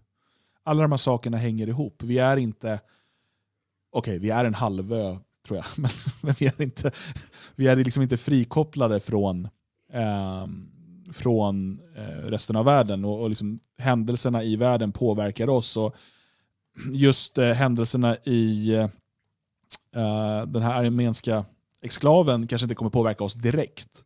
Men eh, det, som sagt, det är en varning till oss på vad som är, är på gång. Och Erdogan, vi ska inte räkna med att han är nöjd där han är nu. Um, jag tänkte också, kära vänner, att vi skulle prata om eh, de nya restriktioner som kom idag. Ehm, jag befinner mig ju nu eh, närmast ofrivilligt i Tyskland eftersom jag inte kan resa ut och in som jag vill. Ehm, och är lite, lite inlåst här. Eh, och I Tyskland så är det ju sedan dryga två veckor en så kallad mini-lockdown eh, eller shutdown eller vad de nu vill kalla det för. Ehm, där man inte får umgås mer än två hushåll åt gången. Eh, eller max tio personer. Där man har stängt ner restauranger och, och annan sån verksamhet. Eh, och sedan länge så råder ju tvång på att bära sån här eh, munkavel eh, när man går in i butiker och andra eh, byggnader. Och nu har de också stängt ner så att man inte får gå in i skolbyggnader. Alltså jag som förälder, eh, skulle, det är nytt nu, jag skulle hämta grabben på i skolan idag eh, och fick inte gå in i byggnaden utan fick stå utanför och vänta. Då. Ehm, Det kanske bara var du. Ja, det kan vara det i och för sig. Eh, som sa i och för sig, det är du som är den där svensken va? Så. Ehm, och, så att I Tyskland har vi haft det här länge, men Sverige börjar närma sig det här nu va Magnus? Ja, nu är det dags. Äh, alla som har munskyddsmaffian och alla de som har eh, längtat efter fria tider, eh, nedstängningar och inskränkningar eh, kommer snart få sin, eh, eh, sina drömmar. Det har pratats mycket mer om det här nu än vad det gjorde förra gången, vilket är intressant i sig. att när det inte drabbar oss lika hårt, när vi vet mer om viruset, när vi vet att dödligheten eh, inte alls är så allvarlig som vi trodde, när vi har lärt oss hantera det när, när allt det här är på bättringsvägen, då ska vi helt plötsligt gå, gå så långt vi bara kan. För det är det man gör. Du pratar om inskränkningar. Faktum är att det vi ser nu är ju ett upphävande av de grundläggande, den grundläggande medborgerliga fri och rättigheten. Om möjligheten att, att fritt eh, kunna samlas eh, i vårt samhälle. Det är vad det är. Man måste förstå hur långt och djupt eh, regleringen går. Och, och, och det vi måste förstå också det är att hade man kunnat gå längre så skulle man. Det kan man inte. Man kan inte ehm, stänga köpcentrum. Eller det som man gör i Tyskland eller i andra länder. Man kan inte göra det i Sverige. Det kommer man kunna efter sommaren för då ska man göra en grundlagsändring. Nu går man så långt man i princip kan. Och det man säger nu är att du får inte eh, träffas mer än eh, max åtta personer eh, utomhus i det offentliga. Mer än åtta personer, fler än åtta personer får inte vara samlade. Eh, åtta personer är också intressant nog gränsen för en offentlig sammankomst i princip. Så det man gör är att man upphäver demokratin eh, i den mån att man förbjuder Du menar lite grann den nedre gränsen för ett... eh, Ja, den nedre gränsen. ja, det, det, är då man, det är då det är att beteckna som en allmän sammankomst. Precis. Eh, Är man fyra personer så ja, anses det inte vara en allmän sammankomst. Men åtta personer eller fler ungefär. Men låt oss inte hänga kvar vid det utan konstatera att det man gör är att man då upphäver medborgarens rätt att fritt kunna till exempel protestera eh, mot, låt oss säga, framtida eh, åtstramningar. Ehm, eh, nu har man satt gränsen. Nu, det blir inga demonstrationer. Det är förbjudet. Det är förbjudet att demonstrera i offentligheten i Sverige idag.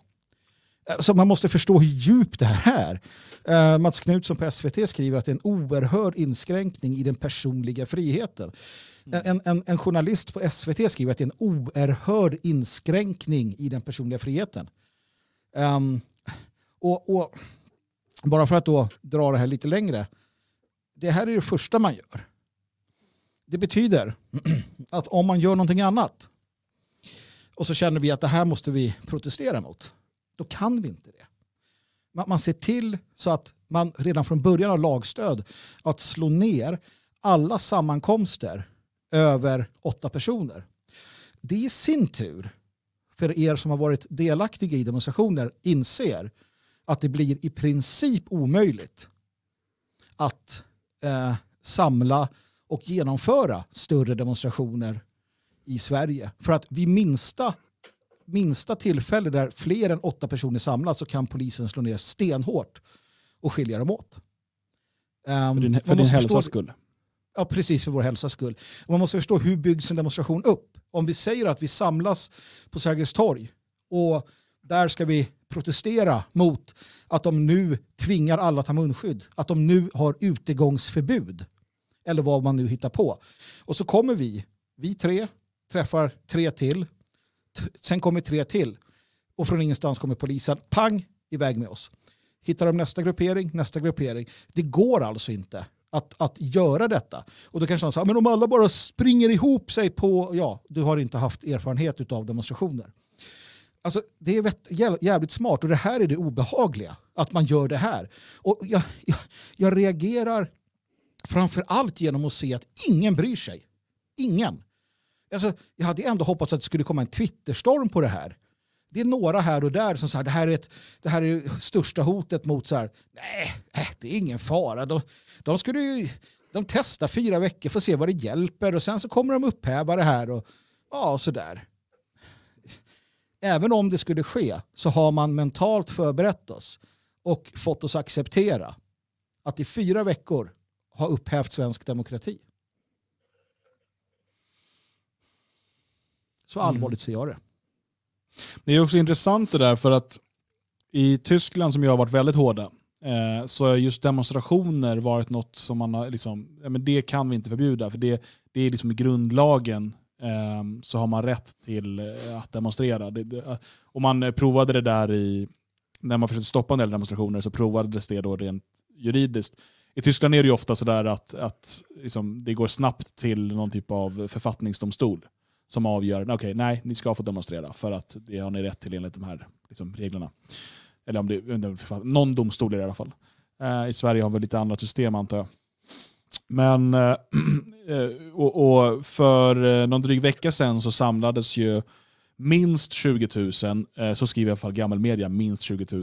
Eh, jag, jag, jag har hört upp mot 50 000 nämnas eh, demonstranter i ehm, Leipzig var det, i, i Sachsen eh, för att demonstrera mot eh, coronarestriktionerna. Och eh, då, nu har man faktiskt infört då, efter det här, för man menar, man var väldigt chockerad över att de här människorna inte följde reglerna och inte hade munskydd och, och höll en och en halv meters avstånd och sånt. Så okej, ni har missat vad, vad de protesterar emot eller? Ehm, så nu har man faktiskt infört en eh, eh coronaskyddsförordning eh, i Sachsen. Eh, och då är det att man får maximalt vara tusen deltagare. Eh, för då menar man att man ändå liksom demonstrationsrätten eh, fortfarande eh, liksom uppehålls. Men det här har inte provats juridiskt än. Men det är intressant, för i Sverige blir det ju då, det blir ju alltså, ja, det blir nu olagligt att demonstrera mot den förda politiken. Ja, det, det blir det. det och, och du kan inte se det på något sätt. Man, upprät, man upphäver den absolut mest grundläggande medborgerliga fri och rättigheten. Ehm, så att, eh, nej, jag vet inte. Eh, Fast man får väl eh, kombinera det i så fall. Man får ju samlas ett stort gäng och säga att vi protesterar mot de här lagarna och BLM. Då måste det vara okej. Om man tycker samtidigt att eh, Eh, svarta liv spelar roll. För då smittar det ju inte och eh, man får samla stora grupper. Polisen tvärtom, de hänger ju på. Ja. Jag, jag tror tyvärr att den här gången så kommer det inte vara så. Utan den här gången har man eh, bestämt sig på förhand. Och hur hårda man kommer vara eller inte, det beror väl lite grann på hur, vilka det är naturligtvis som, som pressar på. Men eh, vi vet ju från andra länder där man sa, i USA till exempel, där man sa, eller om det var Storbritannien, att alltså, demonstrationer, alltså BLM-demonstrationer var, det var ingen fara att gå på dem. Däremot demonstrationer mot covid-politiken, där fanns det smittspridning och risk. Och det sa sjukhuspersonal, eh, höga sjukhuschefer inom hälsovården. Precis det sa de, alltså på riktigt så sa de det. Det är ingen fara att gå på BLM, men går du och demonstrerar mot covid. Och det är ju det här också att, att det har gått så långt. Och det är där också någonstans man känner att ja men då kanske, då kanske det som nu kommer ske är det som ska ske. För att vi har blivit så extremt efterblivna, eh, svaga, svagsinta, att det här måste komma. Ehm, för att det är det enda sättet att kunna så att säga, få någonting nytt. Och det är väl återigen där det fria Sverige, vi har gjort vår analys någonstans i grunden av detta. Eh, människor är beredda att lyda eh, AB Sverige i princip hur långt som helst. Nu går vi med, utan att säga någonting, vi går med på att de upphäver det de själva har sagt är det viktigaste centrala i svensk liberal demokrati. Det upphäver man så. Och säger om fyra veckor så ska vi titta på det igen. Och ingen bryr sig egentligen. Det, det säger allt. Eh, Nej men det har ju varit en, liksom på världslig skala, en, en, en fantastisk propagandakampanj. Alltså det här eh, hur man har eh, piskat upp den här rädslan och så. Ehm, och så, så, så att folk, och, och det är intressant att se, jag, jag tycker att allt det här, eh, och även att få vara, ha varit här nere i Tyskland en del och se hur folk, det här med masker och det, alltså hur, eh, hur massans psykologi fungerar kring det här och hur man faktiskt kan få människor att göra nästan vad som helst om man bara hittar rätt eh, liksom saker att trycka på. Eh, och det, det, det, det är väldigt, ehm, väldigt intressant. Och eh, man ska ju veta det, du var inne på det Magnus, och jag måste trycka på det igen, att anledningen till att vi inte har lockdown i Sverige är för att det inte går med svensk grundlag just nu. Alltså det är därför vi inte har det. Eh, inte för att man vill vara snäll mot oss eller så. Alltså det, det som eh, Stefan Löfven sa på presskonferensen idag, då sa han ju så här, eh, "Ja, den som nu tar det här som är bra, då kan jag ha en middag eh, för, för åtta personer hemma. Då har du förstått det här helt fel. Ehm, utan nej, du ska inte träffa någon, gå inte till gymmet, gå inte ut. Trä- Sådär. Det var ju så han, han stod och sa. mm, mm. Gör din plikt, sa han flera gånger. Stanna hemma. Eh, och att man nu med lag faktiskt eh, gör detta. Om man, om man ska lyfta det till en politisk nivå så eh, tycker jag, utan att kunna säga att jag kan presentera ett jättebra alternativ i dagsläget, så tycker jag samtidigt att det här visar på problematiken med såväl välfärdsstat som socialiserad sjukvård. Mm. För att med eh, argumentet att vi då eh, inte får belasta den här sjukvården så har staten rätt att mer eller mindre, då, i Sverige inte riktigt än, men i Tyskland och andra länder, och i Sverige försöker man nu, låsa in oss i våra egna hem. För, för att, jo men vadå, vi har ju en gemensam sjukvård och, och den får inte överbelastas. Okej, men när fick jag, välja, fick jag välja att vara med i det här? Nej. Men här, här har du också hela liberala demokratins problem. Du, vi har, vi, eh, det har röstats på politiker som sen har fått all makt i himmel och jord. Alltså, de kan stänga ner hela Sverige nu. De kan ta ifrån oss den grundläggande rättigheten att kunna demonstrera eller samlas fler än åtta personer vart det än må vara i vårt eget land. Det är borta. Om en vecka är det borta.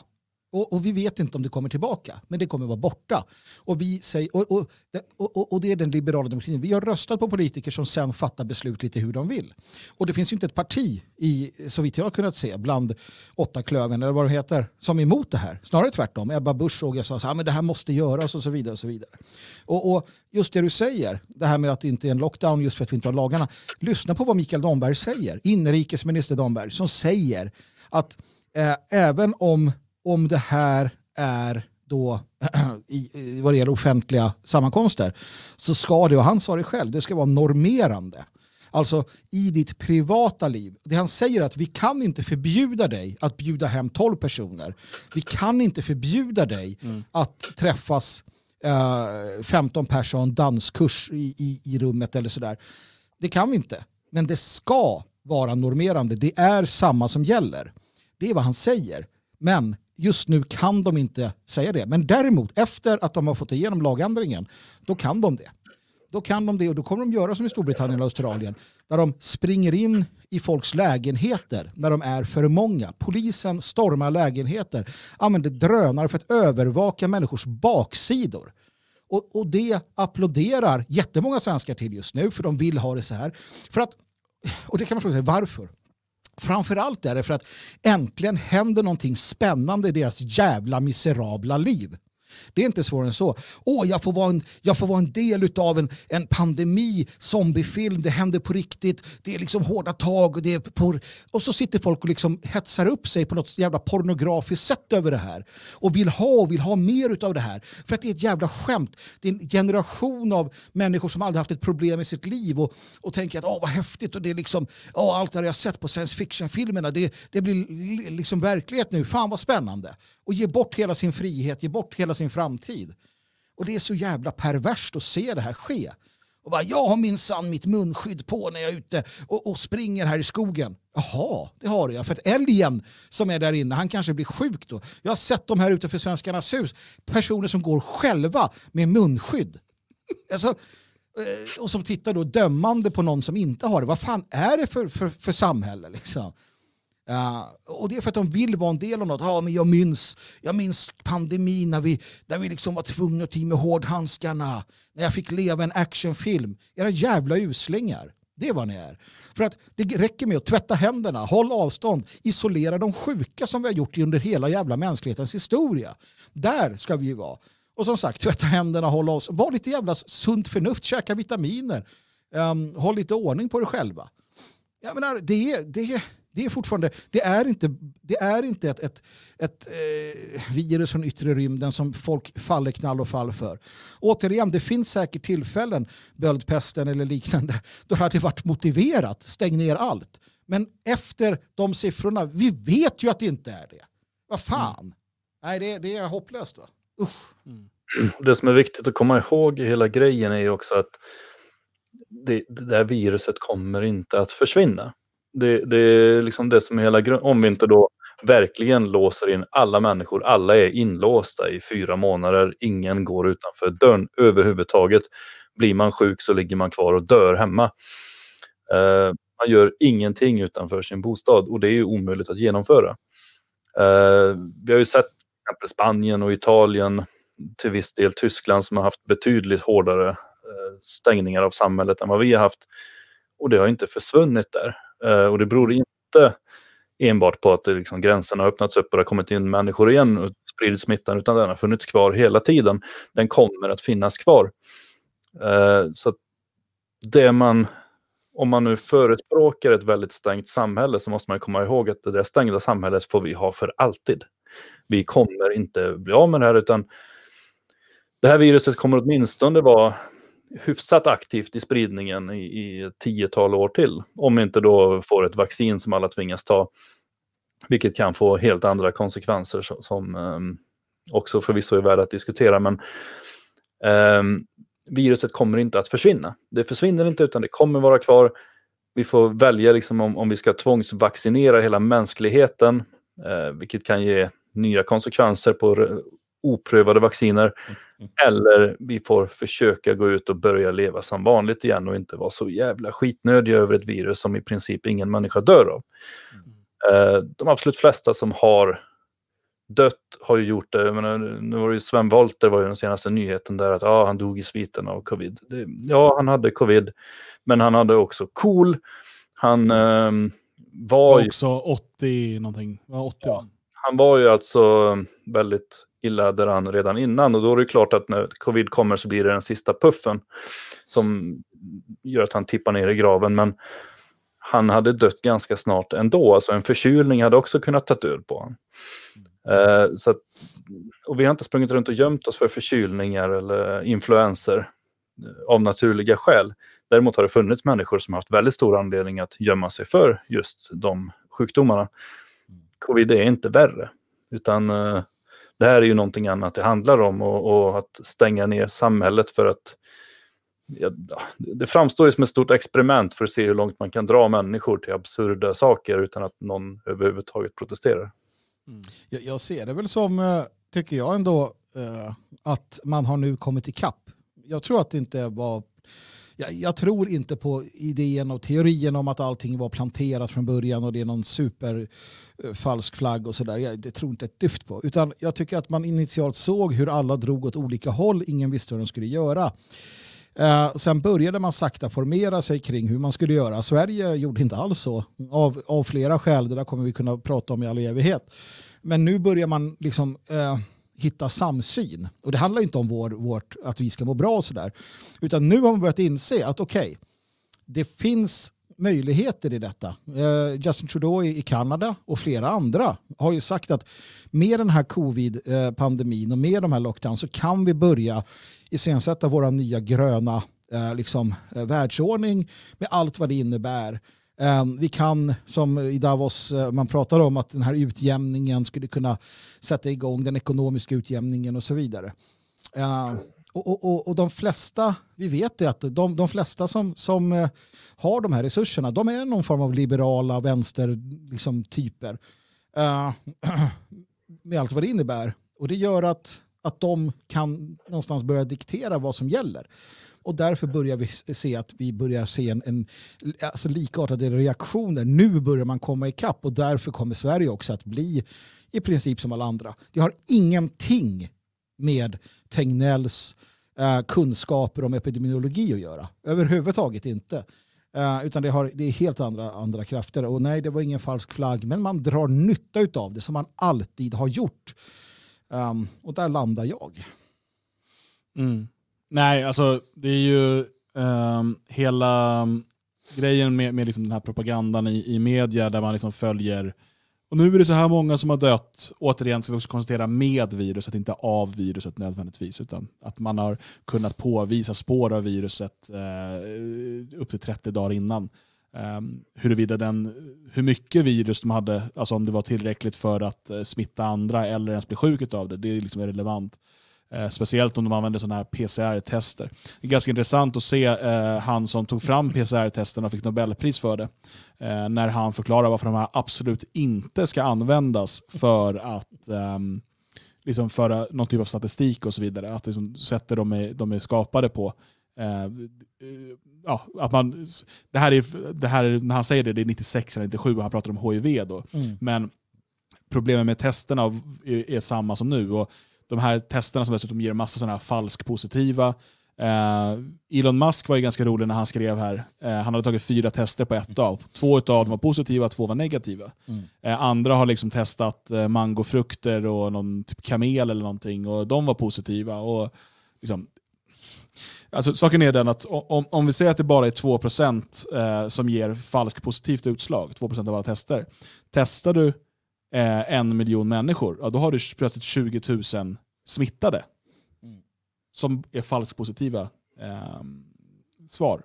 Men jag tycker också en intressant sak med, med det man gör nu, när man då säger att man ska kunna genomföra så här drastiska åtgärder eh, och liksom helt inskränka eh, medborgarnas fri och rättigheter eh, på grund av eh, ett, eh, liksom, eh, ett virus med, med de här egenskaperna, det är ju också att det blir prejudicerande någonstans. Det sätter ju en standard för kommande vintrar. För att alla visste ju att vadå, det är klart att dödstalen ökar det gör det ju alltid. Och vi vet också att 2020 inte eh, är något överdrivet dödsår. Alltså det finns flera eh, år också redan bara under 2000-talet när man räknar per capita där det dog fler, har dött fler i Sverige. Eh, vi har haft hårda liksom, influensaperioder. Nu har vi de två senaste åren haft ganska lågt, eh, låga dödstal. Vilket gör att det var liksom beräknat att ganska många skulle dö i år hur som helst. Bara rent statistiskt. Och, eh, så det, det, menar, det blir prejudicerande, så då måste man eh, i då konsekvensens namn, så fort det är en tuff influensasäsong, då ska man stänga ner hela samhället och låsa in folk. För ingen får ju dö, vi ska ju leva för evigt. Nej, men det är ju det. Eh, och det, det är ju möjligt att, att det kommer ta ett par veckor och sen öppnar regeringen upp och visar att nej, men titta, den där Söderman stod där och sa att det inte skulle bli så. Se här, vi, vi, eh, vi släpper, går tillbaka till det vanliga. Ni får träffas hur många ni vill och demonstrera hur mycket ni vill. Ja, och, eh, bra. Men vi har tagit ett steg ytterligare mot att acceptera att frivilligt ge ifrån oss våra fri och rättigheter. Och, och det är den dresseringen som pågår. Det är den som är farlig. Jag, jag ser att man börjar prata i, i chatten om eh, coronavirusets dödlighet hit och dit och, och allting sådär. Det är inte det det handlar om menar jag. Det handlar om det grundläggande. Våra, våra fri och rättigheter. Uh, och det är ganska enkelt. Och det är som Ben Franklin skulle ha sagt men som det är inte säkert att han sa. Men om du är beredd att ge upp eh, grundläggande fri och rättigheter, din frihet för att få lite trygghet och lite säkerhet så förtjänar du vare sig eller. Och du kommer inte ha det. Och, och så enkelt är det. Eh, det är ett gamble att leva. Eh, ju äldre man blir desto mer eh, blir det skört.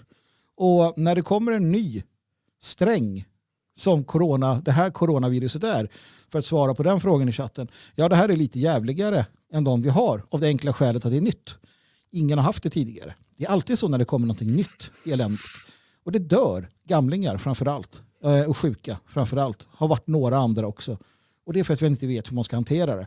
Vissa bieffekter eller saker som händer i samband med det här när en frisk ung människa kan få det har kunnat gå åt skogen. Nu kan man det här på ett helt annat sätt. Uh, men det, det, det, det, är ju där, det är ju där vi landar. Va? Och som sagt, jag gjorde eh, precis bakut och slog tvärtom mot min initiala inställning. För jag var orolig för att det här var någonting i stil med böldpesten. De, de, de siffror som kom och det vi såg från Wuhan innan vi andades och, och tänkte till var ju fruktansvärt. Men sen såg vi, det här är inte det som de sa att det var. Men de fortsätter att hävda det och det här det blir underligt. Det är nu det blir underligt. När de säger att ja men titta här, det är så och så många sjuka. Ja, precis. Men hur många har herpes? Hur många har en vanlig influensa? Hur många har, inte vet jag, uh, suttit på en kall sten av fruntimmerna och fått någonting som har gjort att de har liksom fått en urinvägsinfektion? Hur många har det just nu? Uh, det är inte det det handlar om. Men de har lyckats få det till det. De har lyckats få oss att känna panik inför att människor är sjuka. Eller har uppvisbara eh, liksom, eh, det vet jag, något proteiner av något virus. Och det agerar vi på. Det, det är återigen det som du var inne på Dan, att de har prickat rätt efter alla zombiefilmer, eh, alla virusfilmer, alla böcker om det här som har varit under de senaste tio åren. Det, det, visade sig ha hjälpt för att eh, folk är livrädda för det här, denna fiende de inte kan se. Mm. Men snart kommer vaccinet som skola frälsa oss. Eh, vad tror ni? Kommer det bli eh, vaccinationstvång? Nej, alltså inte i Sverige. I alla fall, för Sverige kan inte göra det heller. Sverige Mm. har- haft för mycket eh, frihet historiskt så att vi har missat att lagstifta om sådana saker. Men däremot så kan det ju bli ett tvång på det sättet att, att eh, man kan inte göra något om man inte vaccinera sig. Man kan, man kan inte flyga till exempel. Eh, flygbolagen kan ju ha vaccinationstvång. Eh, även andra aktörer. Jag tror inte till exempel gym kommer ha det, men man vet ju aldrig. Det kan ju bli den nya flugan där att eh, hos oss tränar du säkert, eh, här är alla vaccinerade. V- vad det nu skulle spela för roll, för jag menar, är man vaccinerad så är man ju trygg ändå i så fall med de som inte är det. Men eh, det det kan ju säkert snurra till sig på, på sådana olika sätt. Andra länder kommer säkert ha tvång, det tror jag. Jag vet Jag såg att eh, var. de var ute i Frankrike var de ute och, och var oroliga om det var Macron eller någon av hans ministrar. Eh, för att eh, visst, nu kommer vaccinet, men de är oroliga att inte tillräckligt många kommer vilja ta det. Så det känns lite som att de peggar upp för att liksom, ja, få in ett, ett tvång. Det gör de och jag menar, det kan de få. Jag, jag vet eh, när vi flyttade ner till eh, Tyskland här för några år sedan. Ja, jag, så, så vart vi ju smärtsamt uppenbarade. Vi hade inte vaccinerat grabben uh, i början. Jag, jag sa att vi låt han bli lite äldre först, herregud. Um, jag har lite svårt för att pumpa i dem där direkt det första man gör. Liksom, och tyckte att det var väl en, en dum sak. Det kan vi ta sen. Men det vi uppmärkte i Tyskland var ju att där ställde de ju frågan så här. Ja, men får vi se vaccinationsintyg? Nej, men det har vi inga. Herregud i himlen. Det var bara att okej, antingen så åker ni och vaccinerar honom nu på en gång. um, eller så blir det ingen skola, ingen, ingenting. Um, och det är ju skolplikt och sådär. Så var, jaha ja. Så det vart under loppet av några veckor, du vet, massvaccination här. Uh, men då var han så pass mycket äldre så att det spelar ingen roll. Jag är inte ett dugg orolig för de här uh, vaccinen du får. Och jag vet att ni kommer bli arga på mig nu en massa. säga att det är fruktansvärt de där vaccinen. Nej, det kan gå illa för vissa. Det, det, står, det finns ganska tydliga, eh, om man bara letar lite, vad, vad som kan hända. Och det kan hända, absolut. Men de där har gjort mer nytta än skada. Eh, Men du, ett, var- ett gäng kommer ju bli arga på dig för att du säger det. Och resten kommer Ja. bli arga på dig för att du inte hade vaccinerat grabben tidigare. Så alla är arga. Alla är arga på mig. Det var goda regimer under 1900-talets början som såg till att folken vaccinerades. Så kom inte att säga att de var onda, för då jävlar. Ehm, så ordning och reda, tack i den frågan. Men eh, jag har också eh, vänner ehm, som tog Ja, vad har du vänner? Mm. De tog svininfluensavaccinet mot eh, bättre vetande kan jag tycka. För att det är en annan sak. Det var ett oprövat, hastigt framtaget vaccin och, och flera av dem har drabbats ganska illa. Eh, de enda som får eh, någon form av kompensation det är ju narkolepsifallen. Ingen annan, men det finns många andra. Och nu är vi på väg dit igen. Fast nu ska hela världen vaccineras med ett, med ett vaccin som har tagits fram under knappt ett år. Och det brukar ta åtskilliga många år. Va? Så att, nej, äh, akta er för det här och, avstå så länge det bara är möjligt. Låt äh, de godtrogna jonen äh, vaccinera sig och ta all skit tills det är justerat. Och sen är det väl ingen större fara kanske. Det var ju någon nyhet nyligen om, om så här första fallet i Sverige med någon som hade fått eh, corona för andra gången. Då blir det ju jävligt lustigt, liksom, ska vi vaccinera folk hela tiden och varje dag? För att, menar, kan man få det andra gången så kan man ju kanske få det tredje och fjärde gången också. Mm. Och då går det ju inte att vaccinera mot det, utan då, då står vi ju på noll igen i så fall. Ja. Nej, alltså det är ju möjligt att det blir ett sånt där som man då måste ta en gång per år eller så. Och speciellt liksom influensavaccin, det är ju visserligen inte eh, tvång på det, men eh, där är det ju så att då gissar man ju lite vad, hur influensa, liksom, hur, hur- det viruset ska vara den här vintern. Och så försöker man liksom täcka sig mot det. Eh, och det är ju samma där, alltså det här eh, coronaviruset kommer ju också mutera, det gör ju det redan. Eh, och liksom bli annorlunda och så. Jag, jag måste, ursäkta, får, får jag bara fråga en grej? Liksom, vi kan ha det gående här medan du pratar. För att det blir det här, jag har ju varit enorm så här, antivaccin. Jag har ju varit, alltså innan alla ni som nu är det, de flesta av er håller på med det, så var jag antivaxare. Liksom tidigt 90-tal där någonstans. Sen har jag justerat mig något. Men en fråga jag har, det är så här, om ni, ni som säger jag vägrar vaccin, om ni åker till mörkaste Afrika, eller till så här Nilendeltat, eller Sydamerika, eller någon annanstans där det finns en massa otrevliga saker i maten och sådär. Skiter ni i vaccin då också? Alltså kolera eller difteri eller, eller typ denguefeber eller vad fan det nu är. Så om ni åker till, på semester med familjen till Afrika av någon anledning, eller typ Amazonas, är det på riktigt så att ni bara, nej, jag tänker inte vaccinera mot någonting, inte en chans.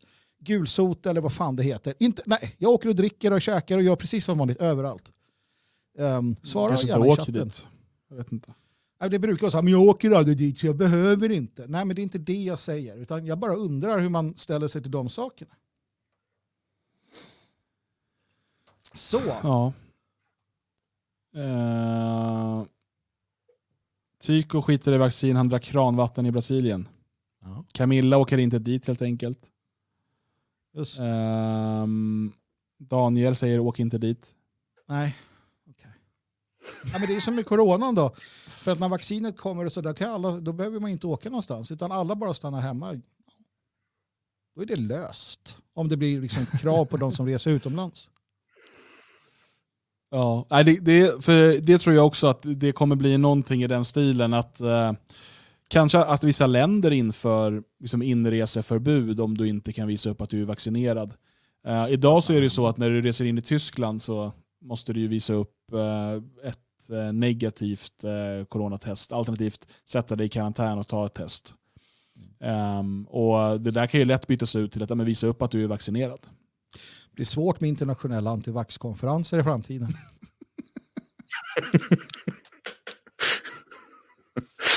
Ja, man kan ju ha det på länk. Jo. Eh, med det så tar vi och avrundar kvällens sändning. En grej Eller till jag, jag Ja. tänka på, så har det inte blivit lite mode nu hos politiker och hävda att de tror att de har corona så att de får stänga in sig ett tag och slippa jobba? ja, men Stefan Löfven var ute där för någon vecka sedan och så bara, ah, jag har kanske fått det. Så tog det bara ett par dagar så var ju Annie Lööf så här, så bara, ah, jag har umgåtts med en som uppvisade förkylningssymptom. Så att nu tänker jag låsa in mig. Så var hon inlåst en vecka och sen kom de här svaren att nej, det var negativt, det var negativt.